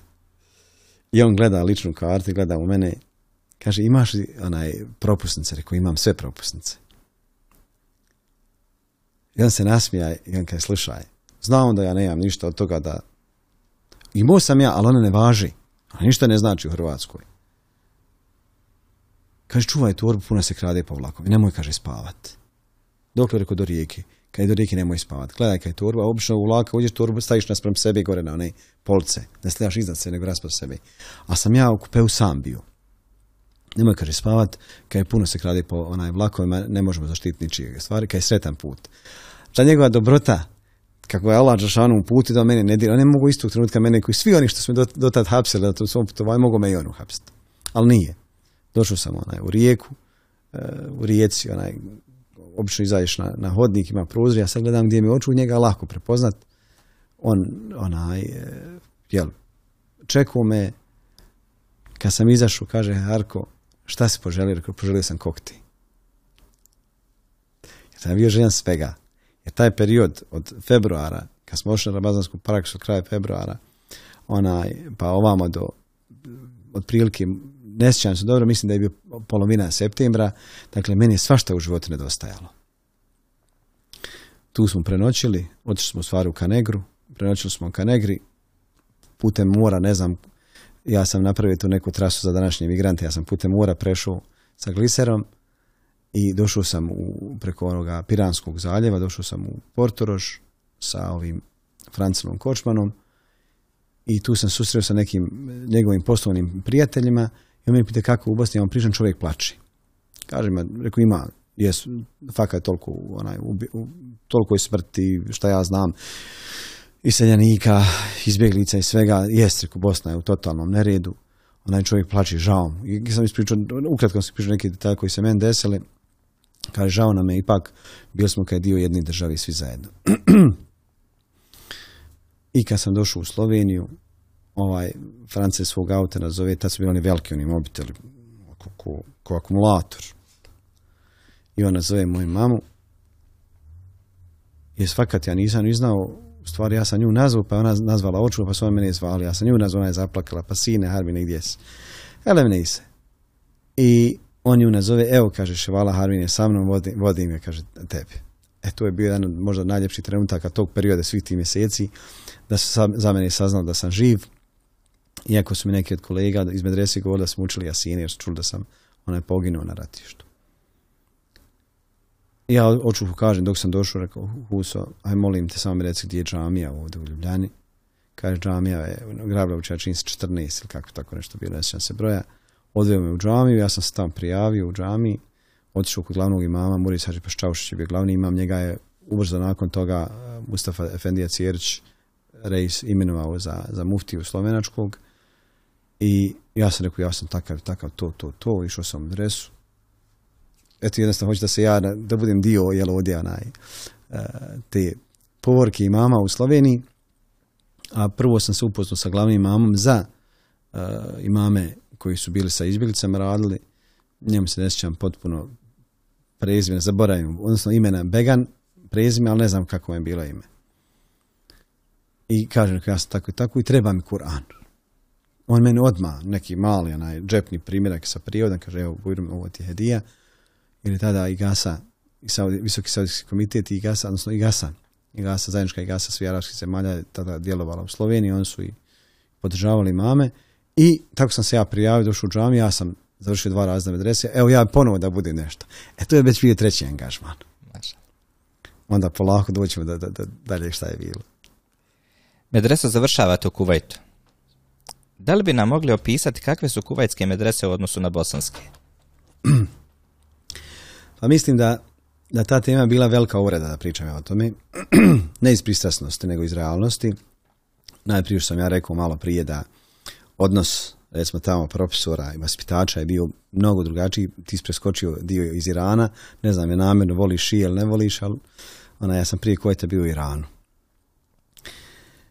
E, prva stvar, ono što je bila želja svih nas, je da nastavimo sa svojim školovanjem, jer mi smo kao, eto, meni 17 godina bio sam onemogućen da se obrazujem. U Sloveniji su nama nudili, mi smo dobivali na adrese dopise, ja nisam bio u izbričkom domu, živio sam sa očuvom i sa mamom, ala erhama. Nama je dolazio redovno dopis ureda za izbjeglice, e, gdje su oni nudili nama nastavak školovanja, dakle to je bilo onaj nastavak školovanja na bosanskom jeziku, i tako je pisala omogućeno školama na bosanskom jeziku svima onima koji žele nastaviti školu osnovci ili srednjoškolci. Ja sam obrazloženju rekao da pošto sam ja išao u vjersku školu, da ja tu Sloveniju ne mogu nastaviti, ja moram tražiti negdje drugo. I nisam na taj način bio ni ugrožen, kao stat, nisam gubio status izbjeglice, ali pružali su nam šansu. Kad smo došli u Kuvajt 11 četiri Prvi bio susjed sa trojicom naših učenika koji su tamo već bili pri nas nekoliko mjeseci i sa e, jednim čovjekom koji je bio bosanski zet, ona, ona se dočekao na aerodromu i jedan vaspitač iz, iz onoga, tog instituta, jel, Egipćan, gdje su on rekli ovo je mušik. Ovo je ja zadnje slovo nisam čuo. I mi pitam njih, a što je ovaj mušrik?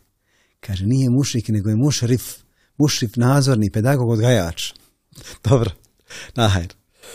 e, prva stvar zbog rata u Bosni i zbog ljubavi Arapa prema nama, koju mi danas njima vraćamo na ovakav onakav način, gdje ih stalno koji kakvi populistički listovi onaj sajtovi osuđuju.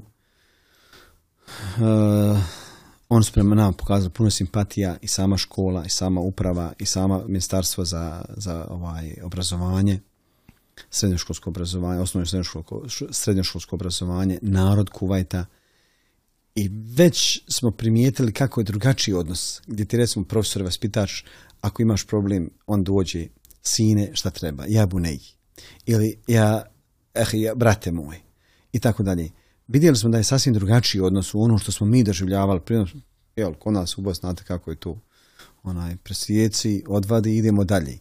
Oni nisu, oni su mnogo kulturni, mnogo su vaspitani to u nekom svom bratskom odnosu, jer tako, jel, uči ih i nas, uči nas vjera, da jedno prema drugima i treba da budemo i meni se strašno svidjelo u odnosu na period koji je prije dva mjeseca kad smo, kad smo bili u Iranu, gdje je bilo mnogo podmetanja, mnogo laži, mnogo, dakle odmah kod prvim danima, četvrti dan kad smo krenuli u školu u Iranu, nisu ispunili svoje obaveze prema nama, ni ugovore koji smo dogovorili u Sloveniji, za razliku ovamo. kada smo e, trebali da započnemo učiti e, jezik, mi smo isključivo tražili da učimo hanefijski mezheb u srednjoj školi. Ja sam to obrazlagao da smo mi u adresima imali hanefijski mezheb i da mene nikakav drugi mezheb u Bosni neće moći koristiti u dakle onaj mom bivanju, življenju ili svom djelovanju osim hanefijski. E, ono što je bilo zanimljivo, do tada nije bilo učenika mnogo iz hanefijskog, dakle tog nekog područja svijeta, jer pretežno u Indiji su šafije i nešto hanefija, ima mnogo hanefija, e, zatim Afganistan, Tadžikistan, Kavkaske dakle zemlje su hanefije, jer jednostavno to je e, Sovjetski savez, zemlje Sovjetskog saveza, i mi sa Balkana. I oni kažu, mi nemamo, dakle uvršten predmet, knjige imamo, jer je bilo besplatno, e, stanovanje bilo je besplatno, dakle tri obroka, imali smo tu neku minimalnu stipendiju 25 dinara, što bi se tada prevodilo na nekih 125 maraka, ali je bilo dovoljno da ono, možeš pozvati svoje, možeš se nešto sitno kupiti, tako dalje. I oni kažu, mi nemamo, ali mi ćemo vama dovoljiti. I nama je bilo drago, jer smo mi imali želje da učimo arapski jezik, da onaj, studiramo hanefijski meseb. I oni su nama to omogućili, a njihova škola medresa je imala program od tri godine jezika arapskog da se uči kroz neki sistem osnovnog obrazovanja. Dakle, četiri godine osnovne škole ili osam godina osnovne škole smjesti se u programu tri godine za, za nas strance i u nekom trenutku ja kad sam završio mi smo kad je došlo u aprilu, išli smo neki mjeseci po dana u školu raspusti, onaj, počeo, mi smo dobili isto mogućnost da se vratimo u Sloveniju na, na, na raspust, nisu nas tu e, zatršavali, ako je htio mogao je ostati, ponudili su nam da onaj, ili ostanemo ili idemo, ja se vratio, iduću godinu školsku redovno sam išao i na kraju te prve godine ja sam podnio zahtjev upravi e, instituta, takozvani Maha vjerska škola, za odjel gdje su bili samo muškarci, e, da polažem drugu i treću godinu, jer sam ja, direktor koji je bio je strašno, volio je nas iz Bosne, profesor Sakr, ne znam ime, puno sam imena zaboravio. Kaže onaj, ti ćeš, kaže, polagat koliko, rekao, ja ću polagat sve. Kako ćeš polagat? Pa rekao, fino, polagat ću dan za godinu. Kaže, hajde. I onda mene napravili testove, dao su termin kad će biti testove, bilo je nas nekolicina tu. E, polagali smo u jednom danu, godinu dana, između ostalog matematika, arapski jezik, matematika, biologija, kirajet, bilo je nekoliko predmeta se položi i uglavnom je bila tu prevladavajuća gramatika. Daj drugi tekst za test za treću godinu, položio si drugu, daj test za treću godinu, evo položio si treću, jer mi je to ostalo onaj ta neka osnova ostala iz medresi, kazi u medresi. I bilo mi je mnogo lakše nego primijetiti nego onima koji su bili sa mnom kolege. Ne mogu nikome reći znao je, nije znao, ali se pojedinci istakli u odnosu na grupu od nas 22, istakli se nas pet ili 6, odnosno šestorca nas istakli, pa smo uspjeli da onaj, pređemo, da ne gubimo više onaj, godine na jeziku. Već je to već jedan presedan, odnosno težak period, prelaziš E, godinu dana imaš možda malo jači, s tim da smo mi imali, omogućeno je bilo nam dodatno naukovanje arapskog jezika, jer je bilo, bio interes, bio je cilj da se čim prije nauči arapski jezik. Sredina u kojoj živiš i stalna konverzacija, komunikacija, ja sam imao jedan poseban program koji sam koristio još iz dana medrese, imao sam jedan kalup od kojeg nisam odustajao, dakle od sabaha do, do spavanja, nisam odustajao i kad, kad bi bila kakva gdje zabava ili odlazak na more ili šta ja znam, šetnja s društva, ja sam rekao ne, ja imam da učim, ja kad završim, znači ići ja sam. Ako ćete čekati, ako nećete, vi hajte ja dok ne završim ono sam naumio da danas učim, ja neću otići. I to čitavo školovanje, postavljam fakultetu isto tako. I kao završili smo, primili smo prevao sam treći razred, nosifikovao sam papire iz medrese, prvu i drugu godinu, prihvatili su to. Ambasada nam je mnogo pomogla, ambasador Naim Kadić, al je onaj, izlazio u susret studentima, fakat izlazio u susret studentima i njegov sekretarijat, njegove pomoćnici. Onaj, ta treća i četvrta godina, u trećoj godini sam fasovo čir na žalucu, 12 palačnom jel, crijevu, od stalnog učenja sikiranci i straha od arapskog jezika, da bi na kraju uzeo 84 od 100, onaj, jel, ocjenu, to je već osmica, ali ja, ja sam imao stalni strah kako ću ja da savladam sve ovo, jer nemam prve i druge godine, nemam ti neki osnova koji će imati drugi učenici. Ali mi se više ne čeka, jer već mi 19 godina, 94, 19 godina, ja ne mislim, odnosno 90, ulazi se u, u 20. godinu, fakat mi se onaj ne gubi više vrijeme da učim arapski jezik jer smo mi išli sa nekom malom djecom koja je učila, koji su učili onaj e, sa nama osnovnu školu. I Završili smo četvrti razred, 97. Završili smo četiri razred 97. E, postavlja se pitanje hoćete na fakultet, ja sam pisao medicinu, upravu i šerijat. I sad, pošto recimo medicina zahtjeva 95% ocjene, ja sam imao, imao prosjek 81 ili 84, ne sjećam se dobro, nije zadostovalo jer nije bilo dovoljno, automatski su me primili na šarijat i dobio sam onaj, e, kako se kaže, jel, dopis da sam primljen na, na fakultet. Ja sam tad živio ovdje u Tuzli. Djedo i Nina su bili tu na Mosniku. Ovaj, ja sam rekao, ma ne mogu ja više tamo studirati. Dosadno nam je ponovo ići.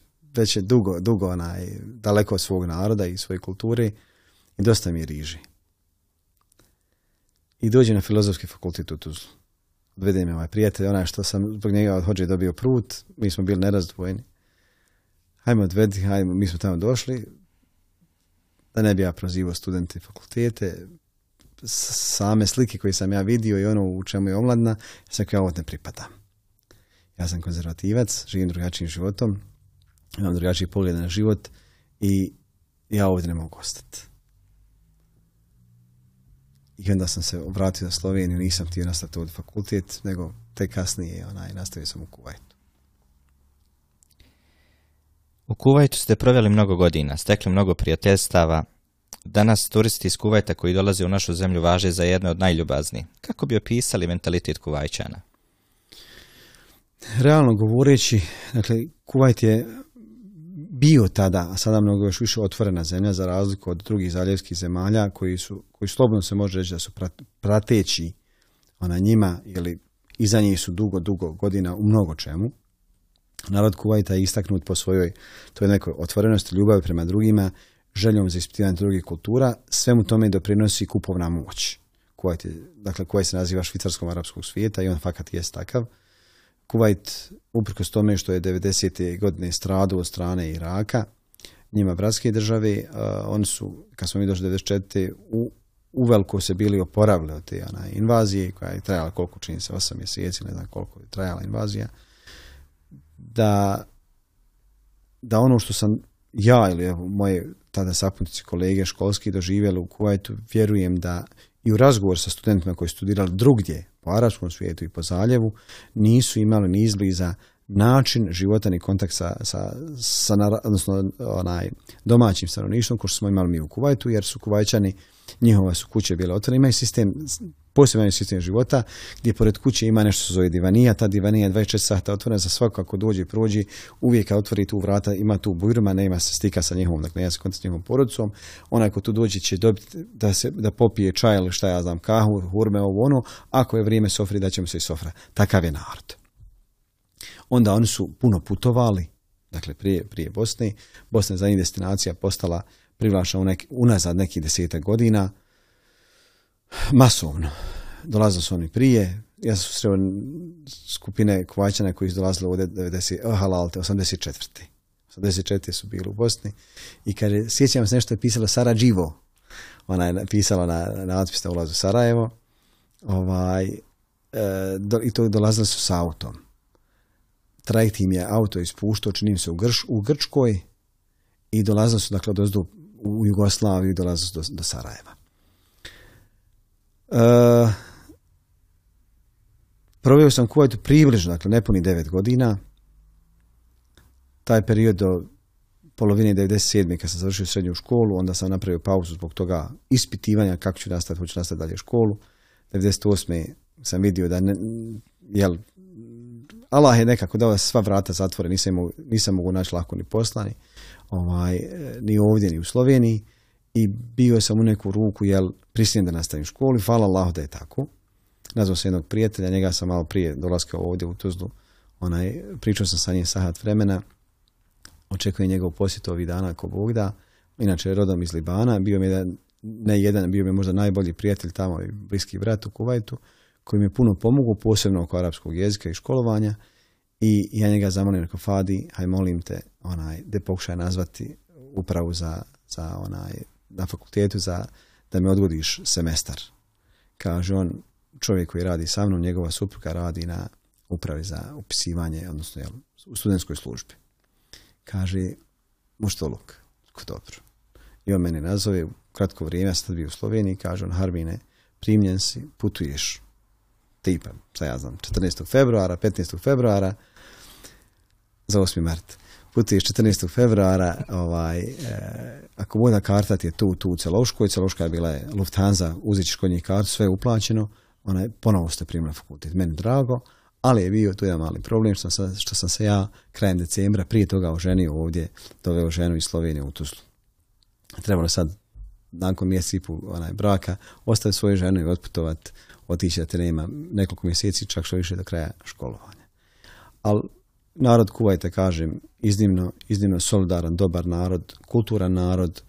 E, počesto naši ljudi ovdje kriješe jer oni misle i tvrde i koji kakvi mediji, dakle druge strane, dakle ne samo bošnjačka strana, da on dolaze ovamo što moraju. Vjerujte, oni ne moraju da luster u njihovoj kući više vrijedi nego kuća naših pojedinaca. Tako da oni fakat nemaju potrebu za Bosnom i Hercegovinom i da destinacija, sljedeća destinacija će biti samo tamo koji bude bolje dočko koji koji bude znao pružiti uslugu koju on hoće. U Kuvaju ste proveli i upoznali, proveli ste mnogo godina, godina i upoznali i učili znanje od najvećih halima današnjice. Možete li nam reći nešto više o tome, kakav je osjećaj družice sa njima i učiti od njih? Današnjice ne, on su većinom preselili ljudi. U prvom redu ja moram istaći velikog šeha Alima Abdurrahmana Abduhalka, čovjeka koji je bio utemeljitelj dave u Kuvajtu 70. godina, e, inače porijeklom Egipćan, on je stekao zadnjih godina svog života stekao je državljanstvo Rahmehullah u Kuvajtu, Emir Kuvajta. E, Sabah Ahmed mu je dodijelio državljanstvo i ne samo oni, nego generalno svi profesori, svi doktori, i sa mnogim razlikama e, onaj, u uvjeđenjima kajetskim, ispred recimo šta ja znam, bilo je na fakultetu, bilo je šarija koji su predavali određene predmete, bilo je rašti, da kažem, onaj, ljudi. Bez obzira na sve to, primijeti se recimo velika razlika onih ljudi koji imaju direktan kontakt sa putem arapskog jezika sa izvornim dijelima ili umehatul Kutu, kako se nazivaju, kako se on naziva umehatul Kutu majke svih knjiga, ne mislim, halalte, ne mislim samo na Kuran, nego na izvorna dijela izvojena djela, bez obzira, dakle, pravna ili tefsirska ili bilo koja druga djela, uh, u neku ruku možda neće biti najlijepa rečenca zvanjati u tuđim ušima, ali malo te vrati u vrijeme ashaba Allaha, poslanike sallallahu alaihi sallam, jer imaš mogućnost da učiš nešto izvorno. Dakle, prijevod je sasvim druga suština, drugačiji način, daleko od onoga pravog, dakle, ciljanog ili Eh, elementarnog što treba čovjek uči, ne ponižavajući ničije, ni knjige, ni dijela, ni nauku, na drugim jezicima, posebno na našem, na našem bosanskom jeziku, ali definitivno da je, bar govorim sebi svojim osjećajima, osjećajima eh, činjenica da smo za mjesec i po dana počeli da govorimo arapski, možda je to bio arapski jezik poput engleskog radova na ja ne znam, ali je bio moguć sistem za razumijevanje, razmjenjivanje informacija, ovaj, jer ja obično to kajem za kažem, zato što sam pričao kao indijanac. Tako da, ne znam, eto, u jednu ruku meni je bila čast što sam, živ, odnosno što sam sjedio pred tim ljudima, od savremenika, eto da opet se potpunim sa tom sadašnjicom, recimo pred velikana, kao što je, kao što je još uvijek Šej Osmano Hamis, čovjek koji je enciklopedija, koji je institucija za sebe, čovjeka koji je svoj život posvetio naukovanje odgovora svim sektama koje sebe pripisuju islamu, islam je čisto od njih i mnogi drugi, onaj, molim Lađešan da im se smiluje, velik broj njih je preselio, recimo profesor Sad Mersefi predavao nam je hadis, on se mnogo isticao po ljubavi prema Bosni i Hercegovini, volio je, non stop je spominjao Mustafa Efendiju Cijerća jer je bio valjda sa njim prijatelj na nekom simpoziju susretali, šta kako, nemam pojma. I on bi uvijek govorio, vidite li, kaže ovoga, iz Bosne došao iz Europe, bolje zna nego vi. Ja njemu kažem, profesore, nemojte im praviti poziciju kao što je bio Usuf među svojom braćom. Nemojte im to raditi. Rekao, zamrzit će me ostali učenici, jer pojavit će se ljubomora. Bez obzira što, sam ja dobar, onaj učenik bolji ili nebolji, ima tu puno dobrih učenika, jer počesto se desilo da u, u, u sali, u amfiteatru od 52 učenika koliko je bio kapacitet sale, budem ja samo stranac. I vjerovatno nekom će i zasmetati. Kažem, dobro, već sljedeći, Ja sam upisao knjiga, čini se tri ili četiri predmeta hadijske, hadijske znanosti, onda šta ja znam kako se zvala ovaj e, valorizacija hadisa i tako dalje.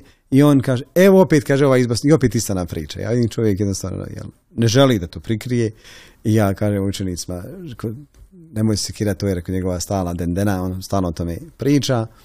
I on je ispitivo mene i njih u arapskom jeziku i on spomene neki od tih manje poznatih oblika množine u arapskom jeziku, znaš. I onda ovi, a ja znam te stvari iz prošlog predmeta i on njih pita, a ovo je druga generacija. Kako se kaže to, on, on pogriješi, kako se kaže Bosna, on me zove Bosna. Bosna tako, evo vidite, kaže ovaj čovjek iz Europe zna.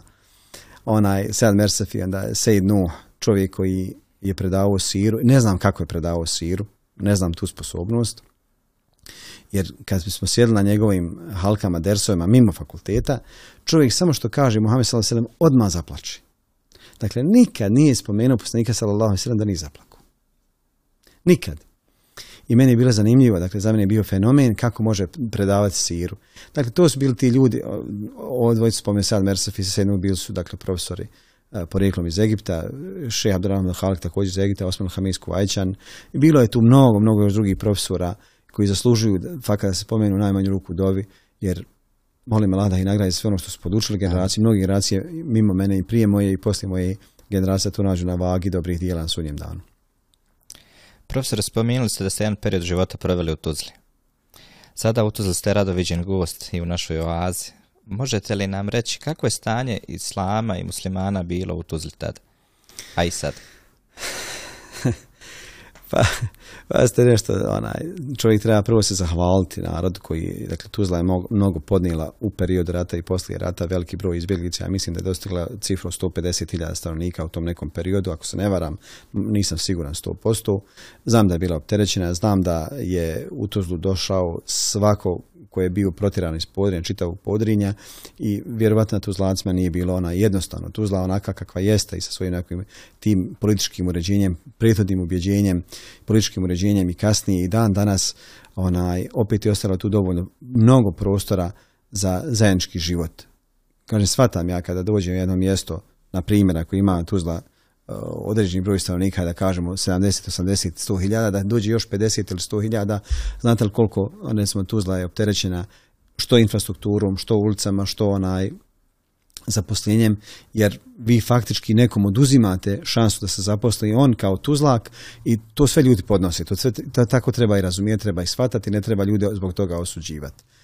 Ja sam tada bio onaj mlad momak, jel onaj, se nisam oženio, uh, bilo mi je fino, skratka ja gledajući na onu atmosferu ili onu, one okolnosti u kojima sam ja ovdje živio, meni je bilo zaista fino i nisam čak što više ni pomišljao da, da bih mogao negdje drugo nastaviti živjeti osim ovdje, osim što je Allahov kader odlučio da ja jel, oženim se iskreni pa da me žena navrati da živim u Sarajevu.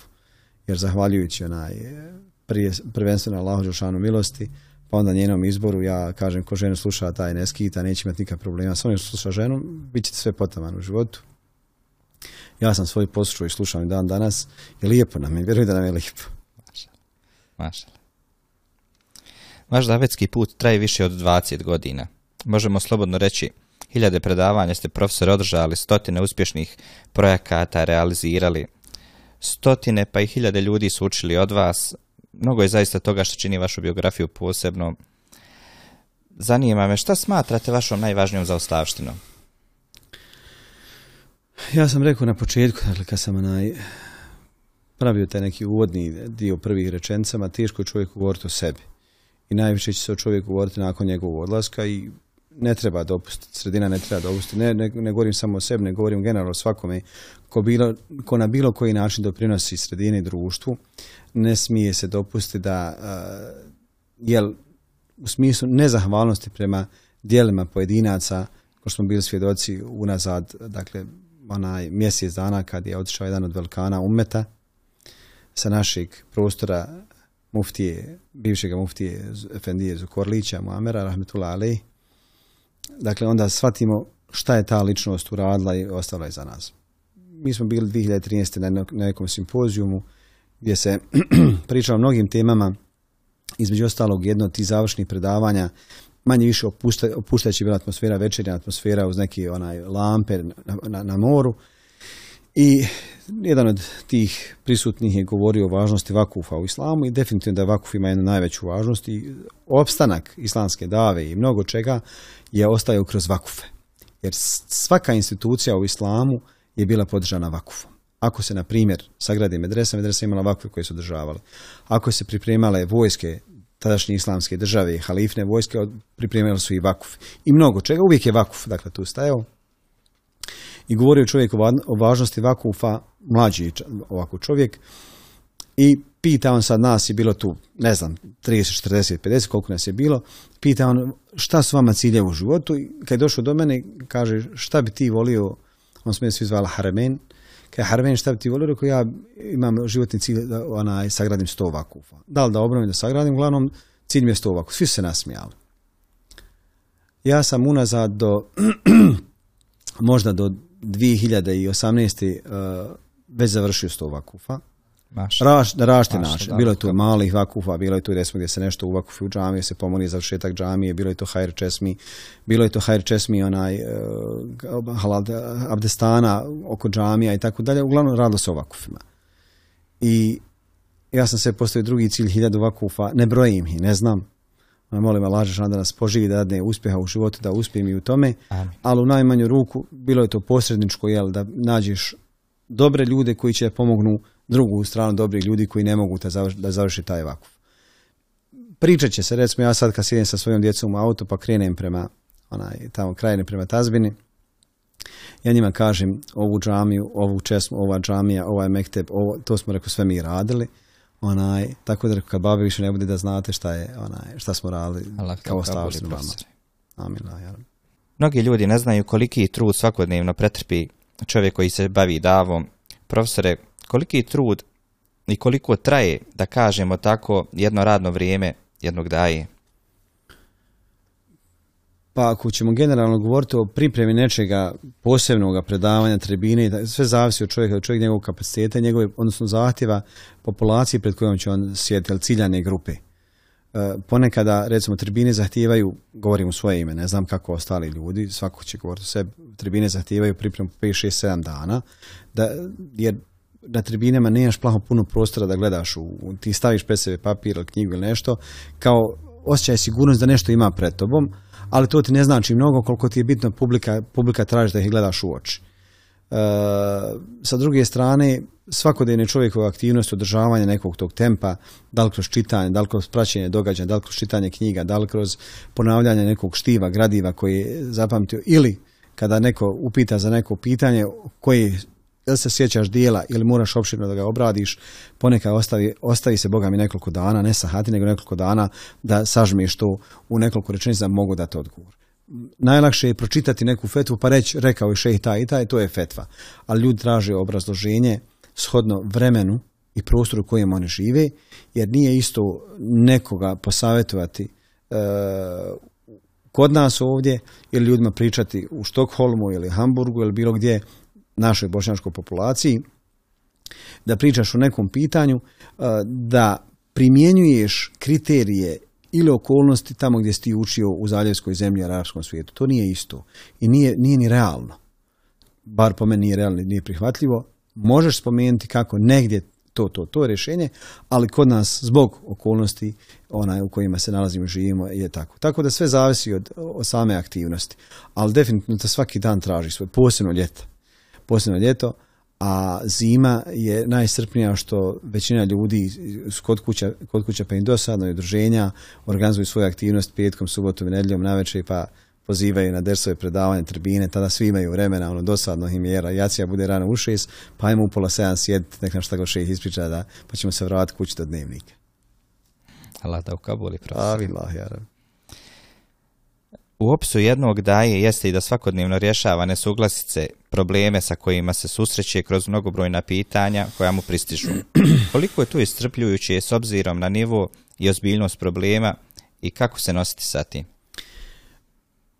Pa vidite, tu je više savjetodavno. Ljudi, ljudi mogu biti malo grub. Može, profesor. Znači, smijem. Ljudi lažu da onaj slijedi Allaha poslanika sallallahu i zavaravaju se da, da, da teže prema šarijetu. U nekoliko, dakle, tih, hajde, najteže su brakovo, brakorazvodne parnice, kada dođe do nesuglasica između supružnika, tad se zanemari Allahove riječi, volate su fadle, Bejnekom, nemojte zaboraviti vrijednost koju ste uživali kao supružnici, Allah Đerašanu kaže, ako se rastanu, svakome, će od njih supružnika Allah dati svoje blagodati, da je nakon razda ostaje opet Allahova obskrba i tako dalje, da se brakovi uglavnom završavaju sa puno mržnje, sa ono što je pogubno, recimo da imate na zapadu, nestabilnu bračnu zajednicu, nakon koje ostaju muž i žena u kontaktu zbog djece i interesa radi djece, ovamo naši, sa, sa naše strane muslimani, govorim našim krajevima, gdje se ispune optužbama mržnjom, iznošenjem tog nekog, kako se kaže, jel, bukvalno da oprostite na izražaj prljavog veša. I to mi je teško padalo nekoliko tih slučajeva koji sam doživio, hajde neki prijateljski odnosa sa tim osobama, hoćete im pomoći, hajde, on tebe smatraju ovaj autoritetom, de im nešto rec, de pokušaj. To uglavnom ne završava sa opstankom braku, jer je tu već svršen čin, ljudi hoće da se rastave i tu je najmjerodavniji sud da im riješite njihove nesuglasice, posebno oko ona imovine, svega nečega, ali je strašno iscrpljujuće kad morate da slušate svačiju priču o svačijem privatnom životu i teško je, dakle, nakon izvjesnog vremena osjetite toliko opterećenje jer imate prvi problem što vaš brak nije takav, pa ne znate šta da im kažete kako bi im popravili, osim što će neka svoja iskustva prenijeti, a to njima ništa ne znači, sa druge strane e, ljudi pribjegavaju prema strastvenim rješenjima, odnosno svojim ličnim ciljevima, a nikako ono što je rekao Allah ili poslanik. Ja sam svjestan i prihvatam onaj odgovornost za ove riječi kod velikog broja onih koji se sa mnom neće složiti, bez obzira da li bili muškarci ili žene, ali u većini slučajeva su muškarci plakali, žene su tražile onaj da se razvedu zbog ovoga ili onoga i meni je to teško padalo, vidio sam koliko se čovjek ponižava u toj situaciji, moli da ostane brak i radi djeci ovoga ili onoga, jer je bilo puno banalnih situacija zbog čega, recimo, svaki brak trpi. Recimo, moja porodica je mnogo trpila zbog mojih aktivnosti.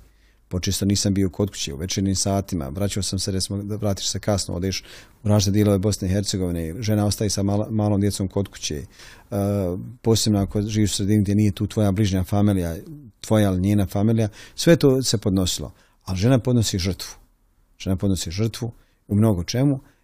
Tako da su te stvari zaista iscrpljujuće i ja sam počisto govorio, uvijek sam govorio, ja ne mogu da slušam takve stvari, teško mi je, jednostavno prenesi se nekako na, na tvoje psihološko stanje osjećaš opterećenje za ono što ne bi trebao. Dakle, profesionalno profesionalni psiholog ili šta ja znam, psihijatar, on ni u kom slučaju ne dozvoli da neko remeti njegov e, život. Dakle, on izađe iz vrata svoje ordinacije ili svojeg savjetovališta i on je završio. Profesor na fakultetu završi predavanje, njega više ne zanima kako je sa učenicima.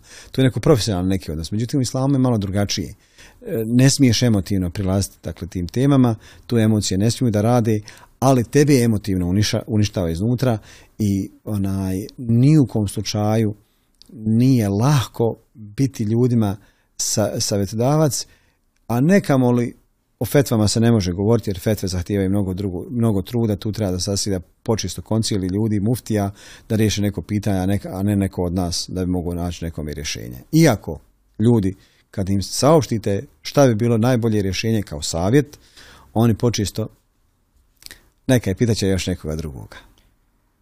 Životni put vas vodi preko Sarajeva do Ilijaše gdje živite i danas. Da li je po vama islam sačuvan u manjim ili u većim sredinama? Generalno u Bosni i Hercegovini ne postoji e, hajde kažem, trenutačno ne postoji neka ugroženost naše vjere kao što je postojala prije agresije na Bosnu i Hercegovini. Ljudi mnogo slobodnije ispoljavaju svoju vjeru s tim što su počisto napadani kroz različite vidove medija, ograničava se sloboda vjerskog, vjerskog ona, izražavanja u smislu stavova uh, određenim stvarima, halal, haram, dobro, loše ili tako dalje onaj, teško mi je govoriti, mogu, mogu bi reći dakle, da je prije bilo, šta ja znam, središnja Bosna, krajina, dobar, držalo se jel, onaj, do vjere i sela su bila mnogo zaštićenija. Danas to nije slučaj, onaj, demografska karta se mnogo promijenila, e, sve ljudi manje živi na selima, tako da sama dava i ona sela je prešla u gradove, koncentracija ljudi u gradovima, obrazovanost, mogućnost dolaska do informacija putem raznih e, društvenih mreža, odnosno putem interneta, i ljudima omogućiti da se obrazuju, tako da ne bi mogu reći napraviti neki omjer da je bolje sad u nekim manjim urbanim sredinama kao što sela Alvaroš ili to u gradovima, ali definitivno da islam mnogo danas je bolje zaživio nego što je to bilo nekada. U najmanju ruku dava lakše diše nego što je nekada to bilo. Ljudi su prije čitamo, dakle dijela mladih muslimana kad čitamo kako im je bilo, da nisu smjeli napisati jedan letak i papir za zbog njega morala da leži po nekoliko godina u zatvoru dovoljno govori kako je danas. Hvala Allah, živimo u jednom blagostanju, blagodatima. Onaj, najprije zahvaliti Allahu Đelšanu, i onda razumijevanju svih onih koji su oko nas, prvenstveno dakle, ljudi iz vjerskih redova i bez obzira složili se mi ili ne složili oko mnogo čega ili malo čega i onda iz političkih redova, jer dokle god je blagostanje i mir, svima će nam biti dobro. Uporedo sa davetskim angažmanom i vaš rad e, na polju humanitarnih aktivnosti. Poznato je da ste vi osoba koja uživa u pomaganju drugih, da li na privatnom e, nivou o kojem nerado govorite ili kroz humanitarne organizacije. Trenutno ste kao projekt menadžer u okviru udruženja izvor dobročinstva. Možete li nam reći koje su aktivnosti realizirane u udruženju i na kojim projektima trenutno radite? Izvod dobročinstva je osnovan unazad nekih sedam godina i prije toga ja sam imao koje kakve onaj e, susrete sa pojedinim udruženjima kroz koje, kroz koje sam pokušao djelo, jel u najmanju ruku da nas e, savjetujete ljude ili da im pokažete kakav je uh, rad sa, sa, sa onaj u okvirima zakona, da ne izađete iz okvira zakona. U, ta udruženja građana, ja jesam jedan od osnivača izvora dobročinstva, i jedno vrijeme sam bio i predsjedavajući. Međutim, ono što me je zanimalo najviše jesu projekti, projekti posebno vakufi i pomaganja ljudima u određenim, odnosno različitim kategorijama u našem društvu. U jedno doba bili su to učenici, dakle studenti, zatim siromašni, zatim je timi. Danas imamo prilike oko 2000 tima koji su dakle pod našim pokroviteljstvom, normalno sa pokroviteljstvom ljudi iz dijaspore, naši ljudi koji onaj mjesečno redovno onaj uplaćuju za, na račun za, za tu djecu. To su neke minimalne, onaj, e, kako da kažem, pomoći, ali kad uzmete u obzir da u većini kantona u Bosni i Hercegovini djeca nemaju normalan dječji doplatak i ta, ta iznos koji se uplati na njihov račun je opet za njih koliko toliko solidarno dobar. Neće im mnogo pomoći, ali dobar. E, ostaje tu recimo rašte situacije u kojima se ljudima pomaže. Imali smo skoro unazad mjesec dana velike poplave na području tri općine, u, odnosno u Sarajevskom kantonu, Trnova, Trnovo, Iliđa i Ilijaš i tu smo pritekli u pomoć približno nekih 50 porodica. Zatim pomaganje kod izgradnje kuća onima koji nikad nismo da svoje stambeno pitanje jer su imali mogućnost smo placa i šta ja znam općina izađe susret sa nekim minimalnim sredstvima da mi opet pretežno naši ljudi uspijemo kroz uplate da sakupimo. Vjerujte da je bilo teških dakle, situacija kada vidite da neko uplati tri marke. A to je sve što on posjeduje i što može da odvoji. Jer sigurno je platio tamo banci ovaj, eh, marku i 20, marku i po, marku 80, ovaj, tu uslugu bankarsku, proviziju, da bi on mogao da donira tri marke ili onoga koji možda više od toga, ali ljudi se solidaršu. Onda pomoć kod liječenja ljudi, također različitih bolesti, je dakle, operacija, liječenja kod nas, kupovine proteza, invalidskih kolica, pomagala, e, liječenju djeci, zatim pomagala održavanju osoba sa invaliditetom, e, higijenskih stvari, pelena, šta ja znam, dezinfekcijnih sredstava i svega ono što njima je potrebno, lijekovi sam već spomenuo, mnogo čega što ja sad ne mogu da se sjetim, svega za svih ovih sedam i možda i više godina, dakle na stotine stotine projekata u kojima se Fala Lađošan uspjelo i mnogo, dakle mnogom dobrim dijelom naši ljudi shvataju potrebu za pomaganje drugim ljudima ono što je najbitnije da steknete povjerenje da nema zloupotrebe tim donacijama i ono što je nas odlikovalo kroz izvor dobročinstva, bar u tim svim nekim početcima, ono što smo htjeli da, da istaknemo ili da uvržimo, uvezimo kao praksu, jeste da taj krajnji korisnik počesto nema kontakt sa novcem, da ne bi došlo do zloupotrebe, a istovremeno ne možete ljude osuditi zbog njihovih nekih slabih manira, a znate da je potrebno. Možete pomogniti djecu, ne možete osuditi djecu radi roditelja ako nešto roditelja naj zlopotrijebio, ali ne dajete recimo mogućnost tu, nego kupite im ono što im je potrebno, da li je to samo državi projekat, pa nekome omogućite da ako je u seoskim sredinama da dobije nešto od stoke, da li je to krava, da li su to ovce, koze, da li su to čele, eh, da li je to ribnja, uzgoj ribe i tako dalje, da li su plastenici, neka mini tvornica, CNC mašina, svašta nešta, ljudima omogućite kupovinu ili ga pratite da onog trenutka dadnete mu rok od 48 sati da on naruči taj artikal, kad mu legnu pare na račun da mora to potvrditi računom i onda kad izađete u javnost tako da ljudi vide vašu transparentnost i vašu pažnju prema njihovim donacijama. Ne dajete ljudima, a vjerovatno, vjerovatno da nekad neko zna to onaj odraditi, ja počisto, recimo kada iščitavam molbe, možda je ovo ta, poslovna tajna, ne treba o tom pričati. Kad iščitavam molbe, vidim ko je profesionalac u pisanju molbi, znam po strukturi recimo riječi, znam po, po, papira koje vam priloži, odnosno dokumentacije.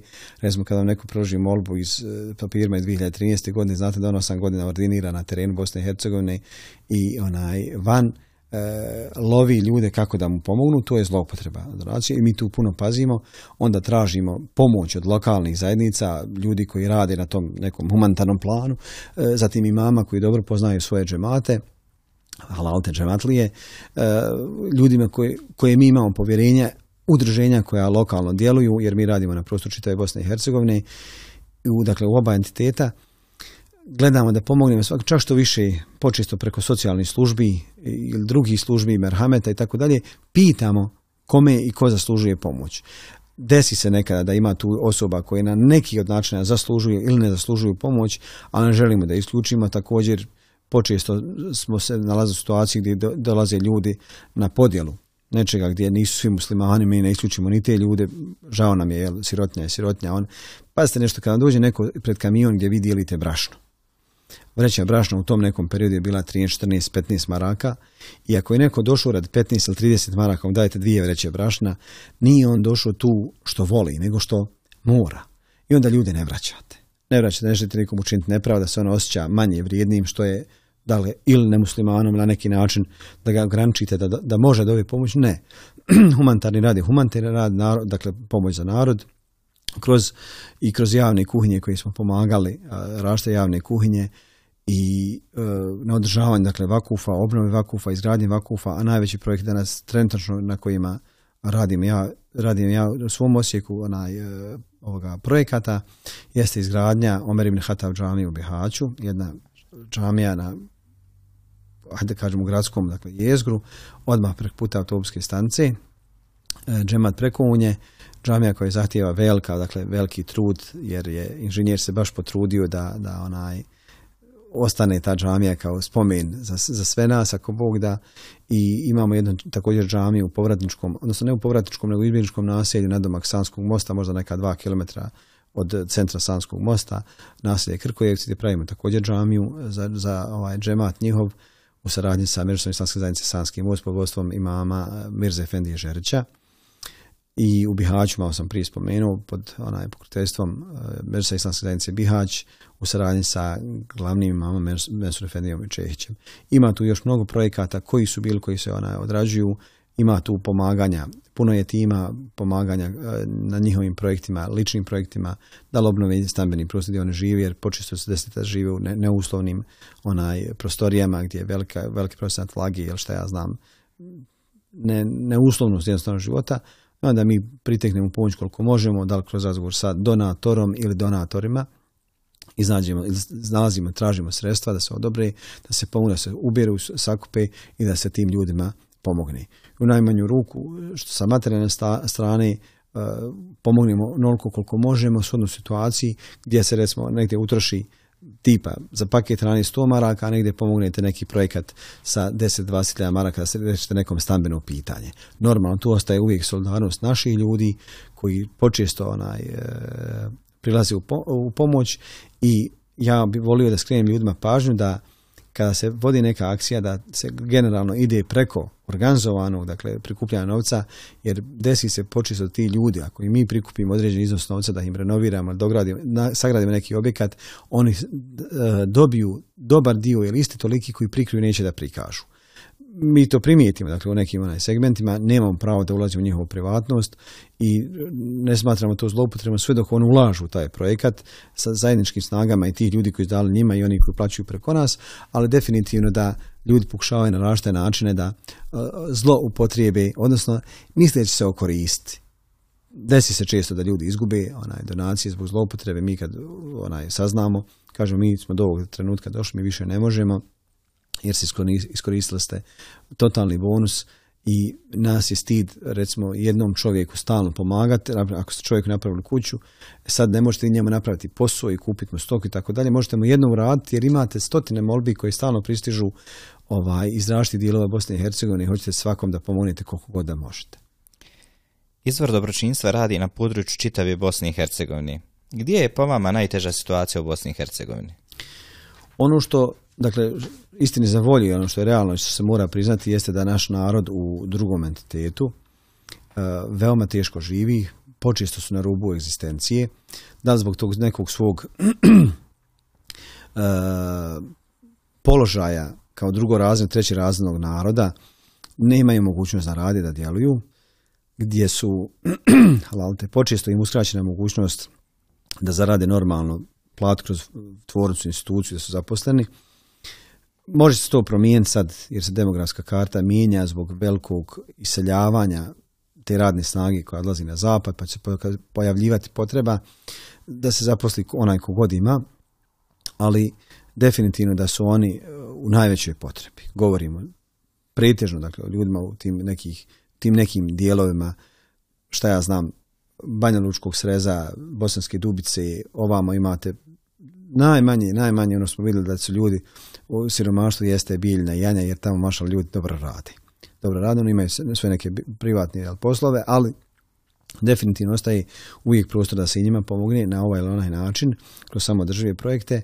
Zatim, e, dobro je, dobro je dakle, iseljen e, jugozapadni dio Bosne i Hercegovine gdje je malo muslimana obitava. Na primjer, naša posjeta Trevinju prošle godine je bar meni je bilo teško kad sam saznao da u čitavom Trebinju nakon 5000 stanovnika prije 92. danas živi samo 80 ana bošnjaka muslimana. Tako da počesto tim ljudima sama posjeta onako bratska posjeta, ljudska posjeta, bez da im nešto donesete, da im nešto dadnete, jer ljudi uveliko vole da rade sam se privređuju. Ja smatram, dakle, ja, ja uvijek tako gledam da kad ljudima dadnete taj paket hrane, da vi u neki način kad morate to fotografišite, snimite, ugrožavate ili ponižavate njihovo ljudsko dostojanstvo. To nije dobro. Međutim, živimo u vremenu kada se to zahtjeva transparentnost i dokazivanje da se donacija potrošila ono što je namijenjena. Vi bivate prisiljeni da onaj snimite i počesto pokušate da to ne uradite, jer zamole vas djeca te porodice, nemojte meni da ja idem u, eter i djeca imaju tu zakonsko pravo, osim ako se njihovi rodite ne složi, on složi, pa da, da to je već druga, njihova, druga stvar, ali vjerujte da nimalo im nije jednostavno. Bilo gdje u Bosni i Hercegovini posebno, posebno takozvani povratnički onaj dijelovi.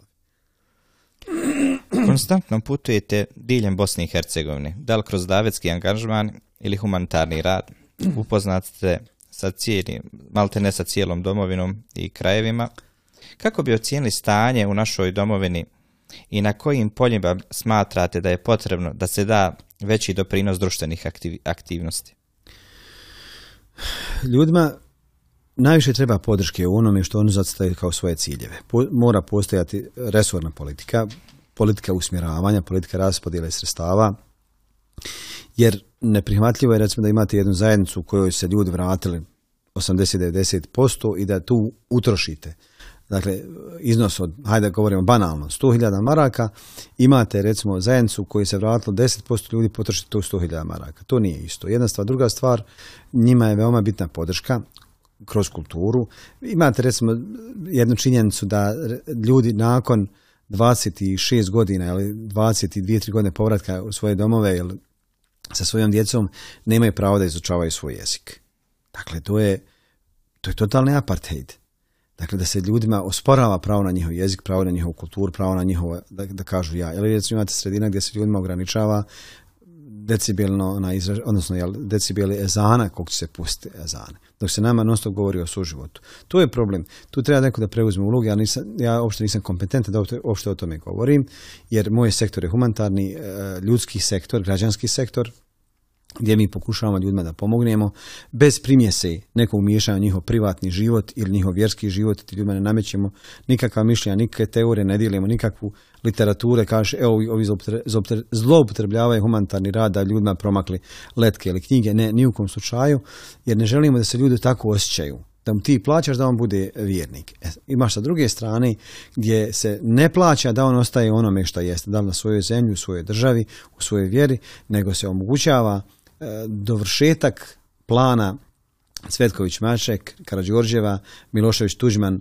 Balman revolucije i tako dalje i dan današnji ovaj novi novi projekata da se Bošnjaci, Muslimani učine slabom manjinom tamo gdje su oni nekad bili većina i smatram da oni koji su odgovorni, jer mi svake dvije godine, odnosno svake četiri godine za lokalnu i svake četiri godine za onaj, na općim izborima dadnemo svoj glas tim ljudima, očekujući da, da će on njima mnogo više pomoći. Ja lično svoje ime ne mogu ništa tražiti, ali oni dobro znaju za potrebe tih ljudi, susreću se, socijalna karta pokazuje to najbolje, ali je pogubna činjenica da imate recimo socijalne službe koje imaju minimalna, dakle minimalne one budžete gdje se 90% budžeta mora potrošiti na plaću poslanika a 10% samo dođe do korisnika. To je poražavajuće. To je možda politika koja je, dakle, ne postoji drugi način, ali je potrebno tu povećati, onaj, ako postoji mogućnost da se poveća tu pomoć tim ljudima, da one ostanu na, na, na svojoj grudi, u svojoj zemlji,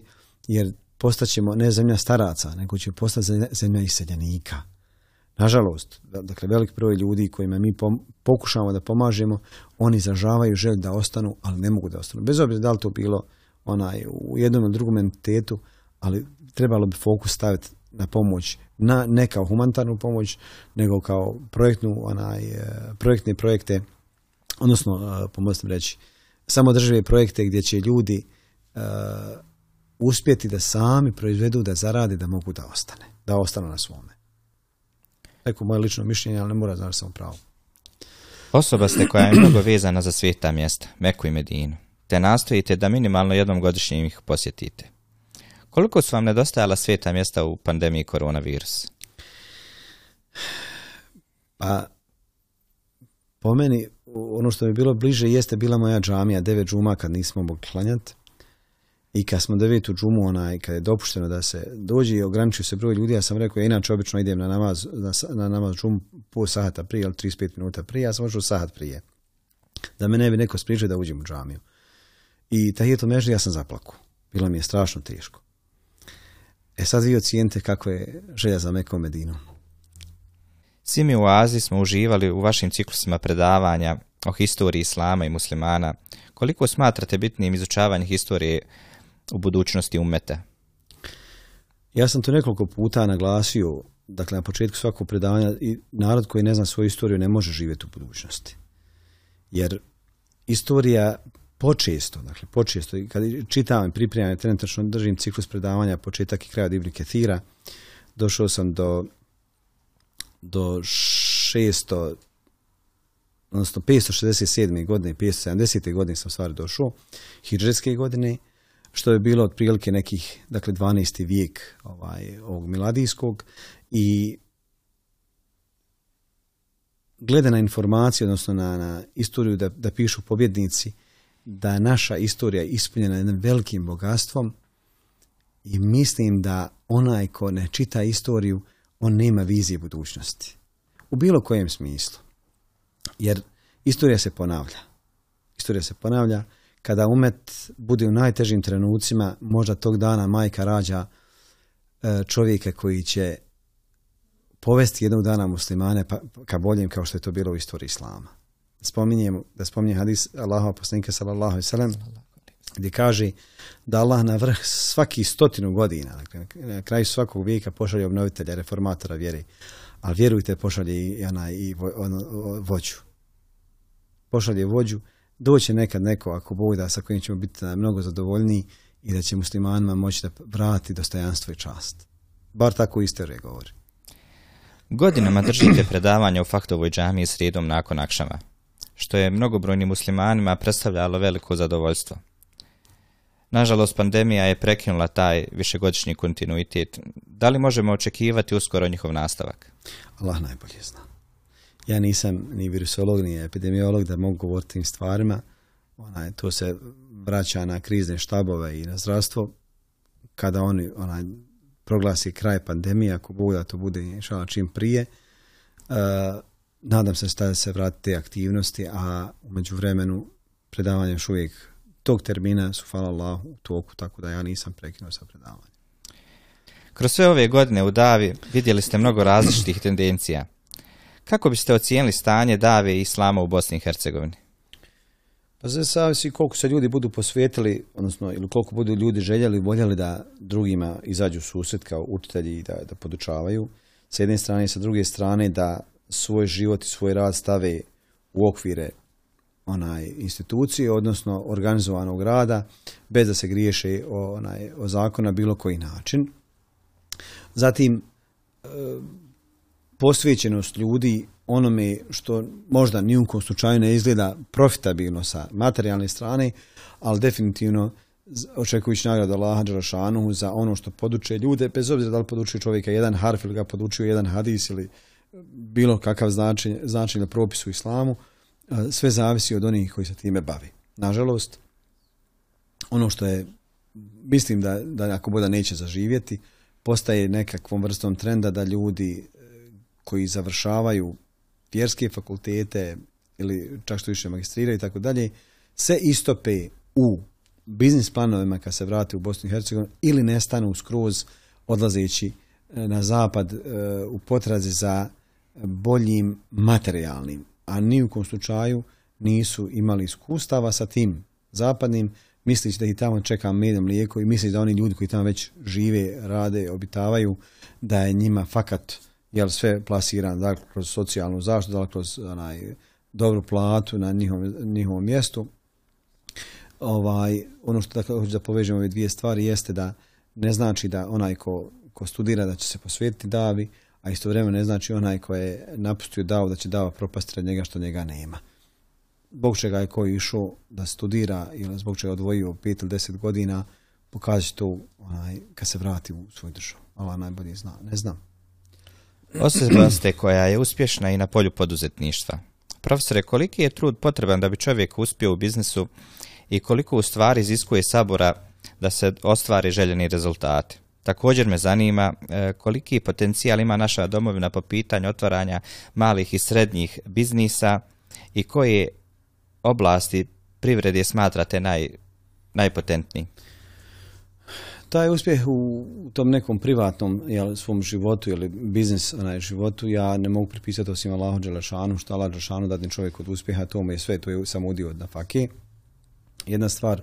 Druga stvar, ono što je ključ uspjeha jeste e, iskrenost, pravednost prema ljudima. Počesto ja kad sam ljudima prilazio sa određenim tem nekim biznis planovima ili ponudama, ja sam u svojim ponudama isticao prvo negativnosti, pa onda pozitivne stvari i mogućnost uspjeha određenih projekata, da je ljudima bilo čudno. Pa smo pitali zašto to mi priča, sam rekao, uvijek to ističem, ne mogu ti ja pričati i obećavati pozitivnost ovog posla, zato što je svaki posao, podložan na riziku, koliko se riskira, toliko se i profitira, ali sve je podložno onome hoće li Allah dati uspjeha ili neće. Moje da te, da te kažem, da te upozorim, da sutra kada ne do Allah ovaj posao ne uspije, ne kažeš Harmin me je prevario. Ne, nego govorimo o negativnostima, da znamo u šta ulazimo, i uvijek se poslu prilazi sa čim manje e, obračuna e, ovoga profita. E, sa druge strane, ljudi vole iskrenost, ljudi vole mogućnost, jer ponekad se ljudima desi da raskinu ugovor, da iz ovog ili onoga razloga ne žele nešto da, da zadrže, da kupe i tako dalje. Tu morate imati puno, puno prostora rudnosti, da ljudima oprostite, da, da, da shvatite, dakle, psihološki, psihološku situaciju koju se on našao kad treba da izdvoji Marku 50 ili hiljada nekoliko, da ga ne osuđujete zbog toga i da jednostavno budete spremni na tuđe greške.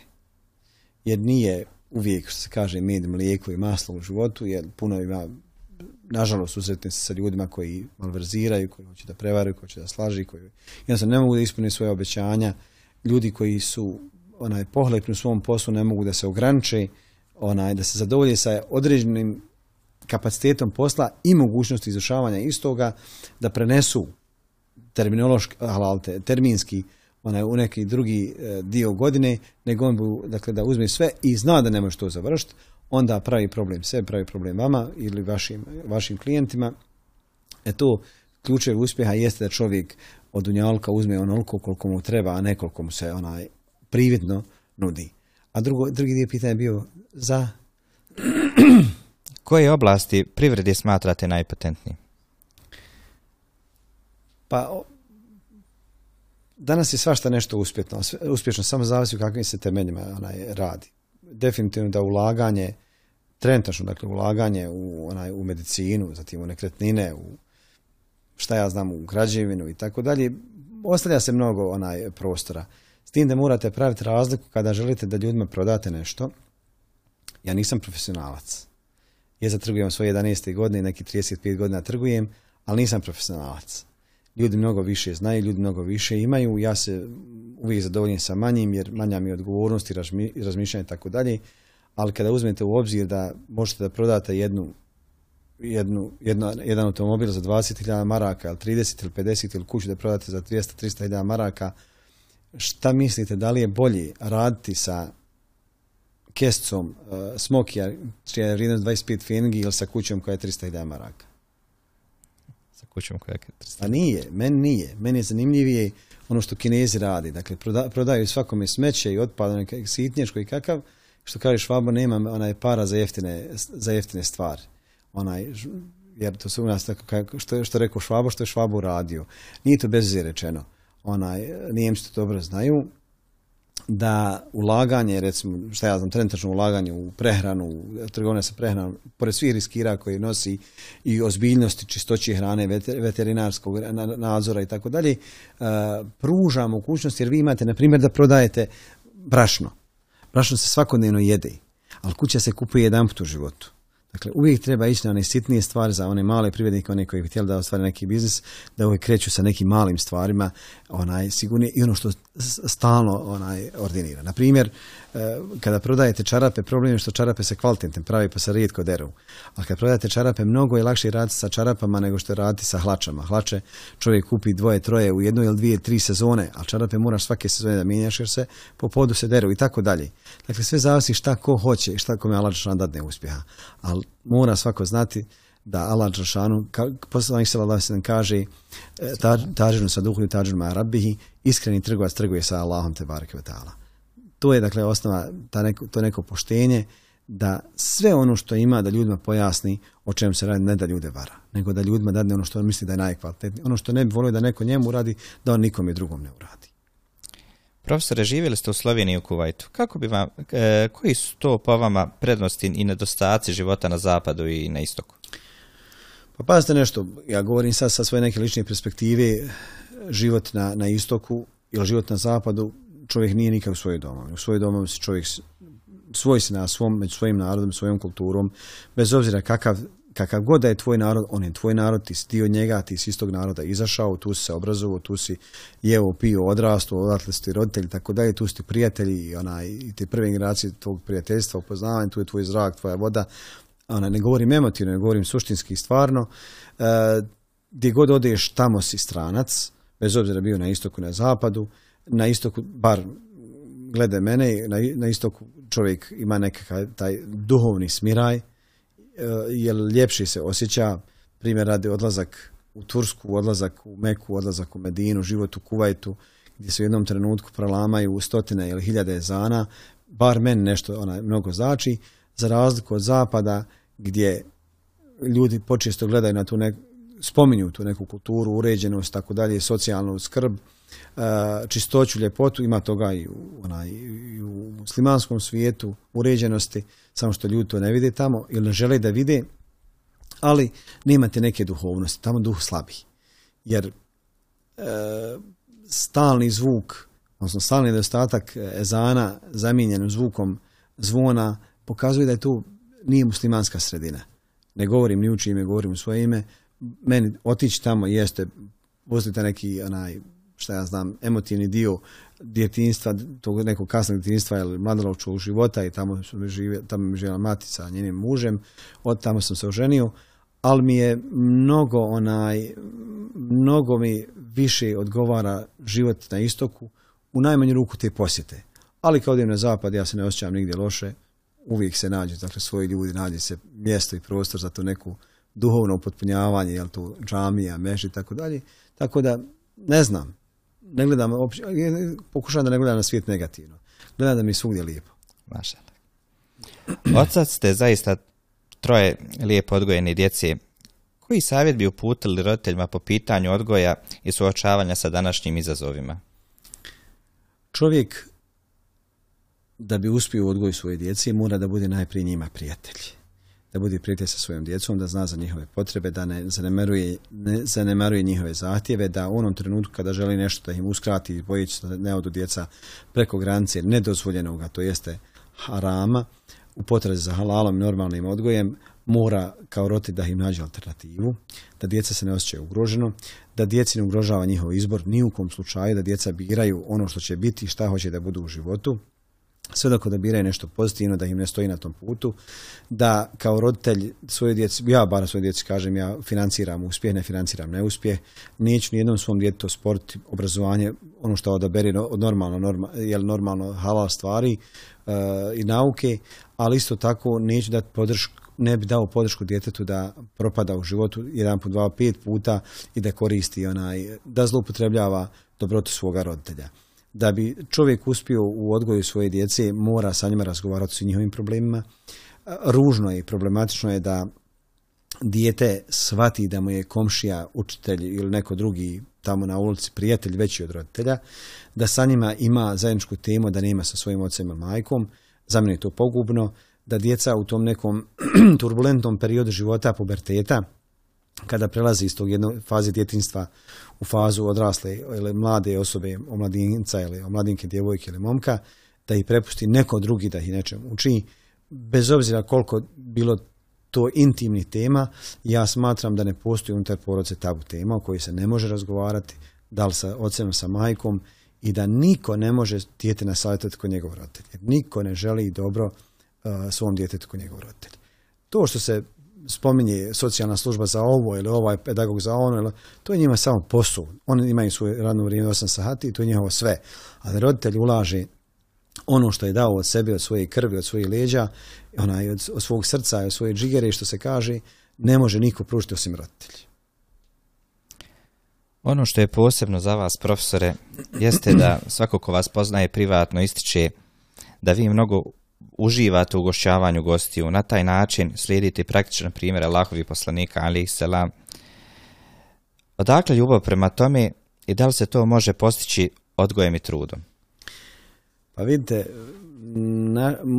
dakle, kuća u kojoj sam ja odrastao, jedna je kuća ona, u Klinjima, bila je nekako na početku sela, odmah nakon autopske stanice.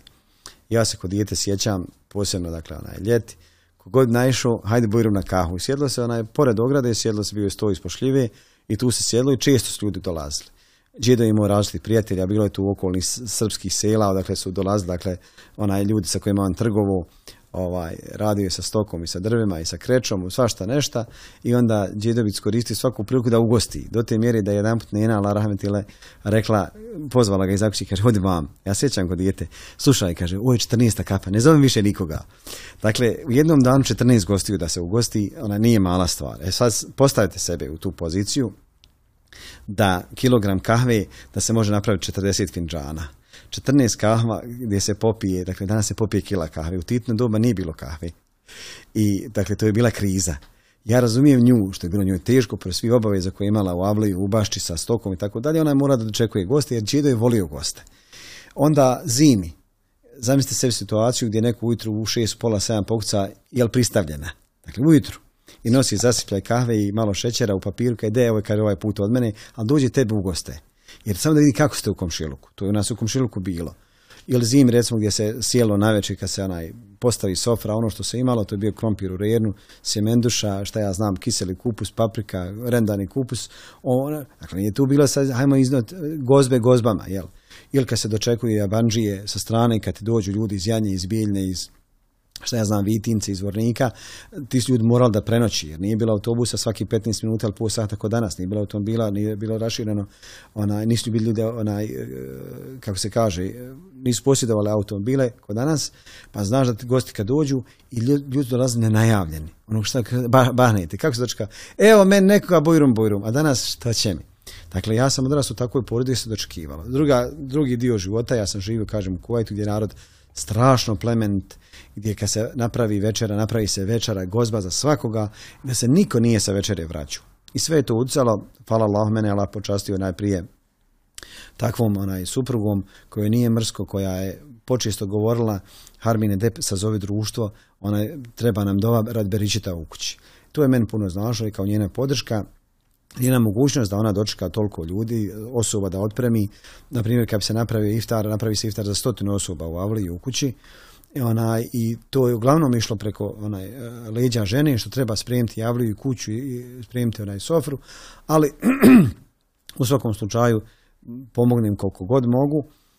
E, ima tu mnogo tih nekih efekata, jer što više ti ljudi dolazi u kuću, više je Vlasnik ste jedni od najljepših divanhana u regiji, gdje se zaista čovjek može lijepo odmoriti. Profesore, kako provedite svoje slobodno vrijeme? Pa evo, sad kako ovaj, pandemija, počesto kuca na vrata, pitam djecu da me puste u, u svoju divaniju, jer oni više provode vremena od mene, ja tamo pripremim, imam svoj kutek sto, pripremim predavanja, isprintam sebi, uzmem neke knjige i onda ja izađem da njima ne smetam, pružam taj prostor njima. Pa, šta ja znam, kako kad?